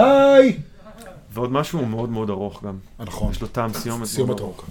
יאללה בוא. עכשיו אנחנו נעשה איתך את אותו דבר, וזה יהיה מעניין לשמוע את ההבדלים או לא. אתה יכול להישאר. אני לא לא סיימתי ברגשי, אה, נכון. אבל הסיכום הוא ב- במספר. כן, כן. אוקיי, אז בוא נתחיל איתך. אמרנו שהטעימה שלך הולכת דווקא טכנית קודם, ואחרי זה רגשית, אז בוא... אני רוצה רק לעשות גילוי נאות לפני, והיה חשוב לי לתת לכם לטעום את היין לפני שאני עוד אומר את זה, אבל אה, זה יין שאני הולך להביא לישראל. אז תשים לי עוד כוס. זה יין שאני הולך להביא לישראל, וזה יין, זה יקב שהייתי בו כמה פעמים אה, במסגרת הסיורים אל שהייתי תדאג, בהם. אנחנו לא נעשה לך חיים קלים, אנחנו תכף נדבר על התמחור. נהדר. ו... אה, אה, במסגרת... זה גם עושה תהליך של...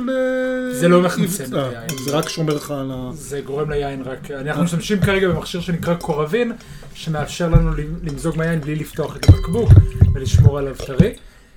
כמה זמן אתה בעצם שומר עליו ככה? גם שנה, אין שום בעיה. אין, הכל בסדר, אני יכול עכשיו להשכיב אותו חזרה במקרר יין לעוד שנה. זה ההשקעה הכי רגע, טובה אבל שאתה הוצאת יכול את לעשות הפקק. לא הוצאתי את הפקק. זה- בפנים. זה מח- מחט, שנכנסה דרך הפקק. כמה זה עולה? אה, זה הגרסה היותר יוקרתית, עלתה 1,500 שקל, יש ב-1,000 שקל. אבל זה פתרון נהדר למסעדות לכוסות אנחנו יין. נדבר על... הם לא יהיה לנו את? פרק בנושא. וואו. אה, למרות שאצלי בקבוק לא מחזיק יותר מיומיים, אז אין לי כן. טעם לקנות, אבל מסעדה למשל. כיף יש לו. שאתה מוזג. כן, בבקשה, תורך. טכני. אוקיי. אז הגילוי הנאות זה שאני. הולך להביא את היין, וזה יקב גם שהייתי בו כמה פעמים, והסיבה שהוא מגיע לארץ זה בגלל שאהבתי את היין והייתי שם. אז מראש. אתה אומר שאתה אוהב. אותו. נכון, נכון. עכשיו לגבי אה, הניתוח הטכני של היין, אה, מבחינת הצבע אמרנו אה, סגול עמוק, אני מתרגם את עצמי לעברית, עוד אה, אה, גילוי מעניין, אני מדריך ב-WSCT ועושה את הדיפלומה של WSCT היום, והטכניקת אה, ניתוח היא מאוד מאוד סכמטית, אה, מאוד התחברתי אליה. כשאני עושה אותה בדרך כלל באנגלית, כי הטרמינולוגיה הבינלאומית היא באנגלית. אני אשתדל לתרגם את זה לעברית. אה, אז סגול כהה אטום, אה, עם אה, אה, רגליים שרואים על הכוס, היין יחסית אה, אה, סמיך ומלא. אה, מבחינת הארומות, מה שעולה קודם כל לאף זה, זה הארומות השניוניות, זה מה שהתחלנו להגיד Mhm. קודם. היין תקין, נקי לחלוטין, אה, יש בו אה, את הטיפה הסיכוניות הספרדית, ה- אה, ש- שאני מאוד מאוד מתחבר, קצת בשר, אה, עשן, אה, אה, קצת אה, כליאה, קצת שמרים, ריחות של, של אה, אה, ציפורן אפילו, אה, של משהו טיפה ספייסי, איזשהו פלפל, שאני מאוד אוהב. כשאני מחפש מתחת לזה, אז אני מוצא גם פירות אדומים, לא מאוד בשלים. זאת אומרת, יש פה איזושהי חמיצות, איזושהי בוסריות טובה, נעימה. כשאני תואם את היין, אוקיי, חומציות אה, בינונית פלוס, טנינים אה, בינוניים, מאוד עגולים ו... ו אה, ונעימים כשהטנינים גם טנינים שרובם לדעתי מגיעים מהפרי ולא מהעץ, נמצאים בחלק האחורי של הלשון, לא בחלק הקדמי של, של הפה. יין יבש, אלכוהול אה, בינוני, סיומת. הסיומת שלו היא ארוכה, אה, אה, וגם בטעמים בפה, ב flavors, אני, אני בפה מקבל יותר מהפירות אה, ממה שהיה לי באף. Mm. זאת אומרת, באף הפרי היה מאוד שני ל, ל, mm. אה, ל, לעץ. ולתבלינים, בפה הפרי הוא מי שמוביל. מ-1 עד 10, ציון. ציון, ציון כן. של ציון של היין. אמרנו כבר שלא אובייקטיבי, אבל, אבל לדעתי זה יין של 9. אוקיי. כמה תזכיר, עכשיו תגיד כמה אתה נתת ציון? 8.7. אתם אה, קרובים. אוקיי. אני חושב שגם בניתוח אנחנו מאוד כן, אה, נכון. קרובים. גם עם הסיומת אה, הארוכה, גם כן. עם הטניני. כן. אחלה יין, ממש, ממש כן. אחלה יין, תודה רבה. רגע, כסף. כסף, אה, היין עוד לא הגיע לארץ, כך שהמחיר עוד לא סופי, אבל אה, היין הזה הולך לעלות בארץ בסופו של דבר, להערכתי, סדר גודל של 60-65 שקלים ללקוח הסופי בחנות. אתה מבין איזה דבר זה? אתה מבין איזה אתה דבר? מבין איזה זה? דבר זה? יין כזה, אם היינו משיגים, ואנחנו לא נשיג בארץ, כי אין את הענב הזה, אבל נגיד היינו משיגים רמה של באמת תשע, שמונה וחצי עד תשע נגיד, 150, במדד, 180 שקל. בלי למצמץ בכלל, לא, בכלל. אני חושב שאפילו יותר. כן. אני חושב שיקב ישראלי שהיה מייצר יין כזה, בלי בושה היה מוכר לך אותו ב-200 שקל, 180 באמת, כן. יין פגז. יפה. טוב, אז אה, זה השלב לקידומים, יש דברים שאתה רוצה לקדם את עצמך, אתר אינטרנט, פייסבוק, אה, יוטיוב. תשמע, כן. זה הזמן. אה, בסדר. אה, מה אתה עושה אה, היום בימים אלה אגב? אני בקשת, אני אוקיי. חתמתי בקשת, שזה 12 בשלט, כן. שלשמחתי הימרתי נכון אחרי הפיצול, כי זה כן. הערוץ היחידי שנראה לי עם ישראל צופה בו היום. אה, אני... ככה הרייטינג אומר. כן, ככה הרייטינג אומר. אני, דווקא אוכל אני עוד לא ממש עושה שם. אה, אני חזרתי ככה לבייסיקס שלי, אני עיתונאי, הרי הייתי עוד הרבה לפני ביקורות האוכל, אז אני עושה את הכתבה המרכזית בתוכנית שנקראת אנשים, ואז יוצא לי באמת לדבר עם אנשים. אה, כן, אנשים מדהימים, חלקם פחות, חלקם יותר, אבל אני גם עושה מה שאני רוצה, זאת אומרת, אני ממשיך עם ה... אני לא, אין, אין אצלי כתבות פר ונחמדות, נגיד את זה אוקיי. ככה. השאלות הקלות, הקשות נשאלות, למרות שזה כאילו תוכנית שבאופן עקרונית מלטפת נורא את האנשים, אז לא, ב, לא, ב, לא בכתבות שלי, ואני מאוד נהנה, מאוד נהנה שם. אה, הלוואי והייתי איש בשורות על האוכל, כי אני בשלב של משא ומתן מאוד מתקדם על אה, מקום שהביקורת תהיה בו. כשזה יהיה אני כמובן אה, אתן, אבל בשנה האחרונה, מאז שעזבתי את ערוץ 10, עזבתי הרי בגלל דיינרס שלקחו אותי, נתנו לי חסות, אז כל הביקורות שעשיתי במהלך השנה זה בחסות של דיינרס, ומופיעות גם באתר שלהם, גם באתר שלי, ובכלל מקודמות ברשת. אה, והפייסבוק שלי, ניב גלבוע, יש לי היום, ב, יש לי גם את הציבורי, גם את הפרטי, שהם בעצם אותו דבר. זה כבר עובר את ה-20 אלף אה, אנשים שעוקבים אחריי, ויש. את האינסטגרם, ו, ועוד כל מיני, והטוויטר למיניהם. ויש לך גם בקיצור. אתר אינטרנט. ויש לי את הבלוג שלי, אה, שפשוט ניב גלבוע בגוגל, אתם מגיעים אליו, זה ניב גלבוע co.il, שהשבוע למשל אני הולך להיכנס באחת הרשתות הגדולות מאוד של אה, בתי קפה פה, על באמת חוויה מזעזעת ואוכל וואלה. בלתי נסבל שמצאתי שם, אז אנחנו ממשיכים להיות נשכנים. טוב מאוד. כן. אה, ושמחתי להתארח, הייתי בא כל אז שבוע, ממש ממש בשביל תודה. היין. ממש תודה שהתארחת אצלנו. בכיף. אה, אנחנו אה, מודים לכם על ההאזנה, אני וגיא, וגם ניב. אנחנו נפנה אתכם שוב לקבוצת פייסבוק שלנו, מוצר צריכה בסיסי, פורום יין. שם אנחנו נשמח לשמוע מכם, נשמח לשמוע מה... או, זה יפה. נשמח לשמוע מכם, אה, נשמח אה, אה, לקבל המלצות מכם, לשמוע על כל מיני יינות שאתם אולי הייתם רוצים שאנחנו נמזוג איתכם או נטעם איתכם, וגם תוכלו לדבר איתנו, לקשקש איתנו, לשמוע מה היין הבא שאנחנו נטעם בטעימה הבאה, ועל אורחים שאנחנו מבק... נ- נביא ונארח. אה, ואנחנו נשמח לשמוע מה דעתכם על מה שאמרנו היום ועל מחירי יין במסעדות, ויודעים מה? אני חושב שהדרך, אחת הדרכים אה, לקדם כאן היא לתת דוגמאות של מסעדות שבהן יש יינות במחירים ראויים, ואנחנו אז, אז כצרכני אני רק יין... אפנה לבלוג שלי, שיש שם את הרשימה המפורסמת, אה, שגם העליתי אותה בערוץ 10, ששם באמת יש את כל המקומות, כל המסעדות, שנותנות לך יין במחיר סביר, ואם אתם מוצאים שמישהו ככה חשב שהקמפיין נגמר אז יכול להיות מחירים, נא להתלונן אצלי בפייסבוק, נטפל בו. אחלה, אז אה, ממש תודה, ותודה שהאזנתם לנו, ושיהיה לכם אחלה יום. צ'או צ'או, להתראות. ביי ביי.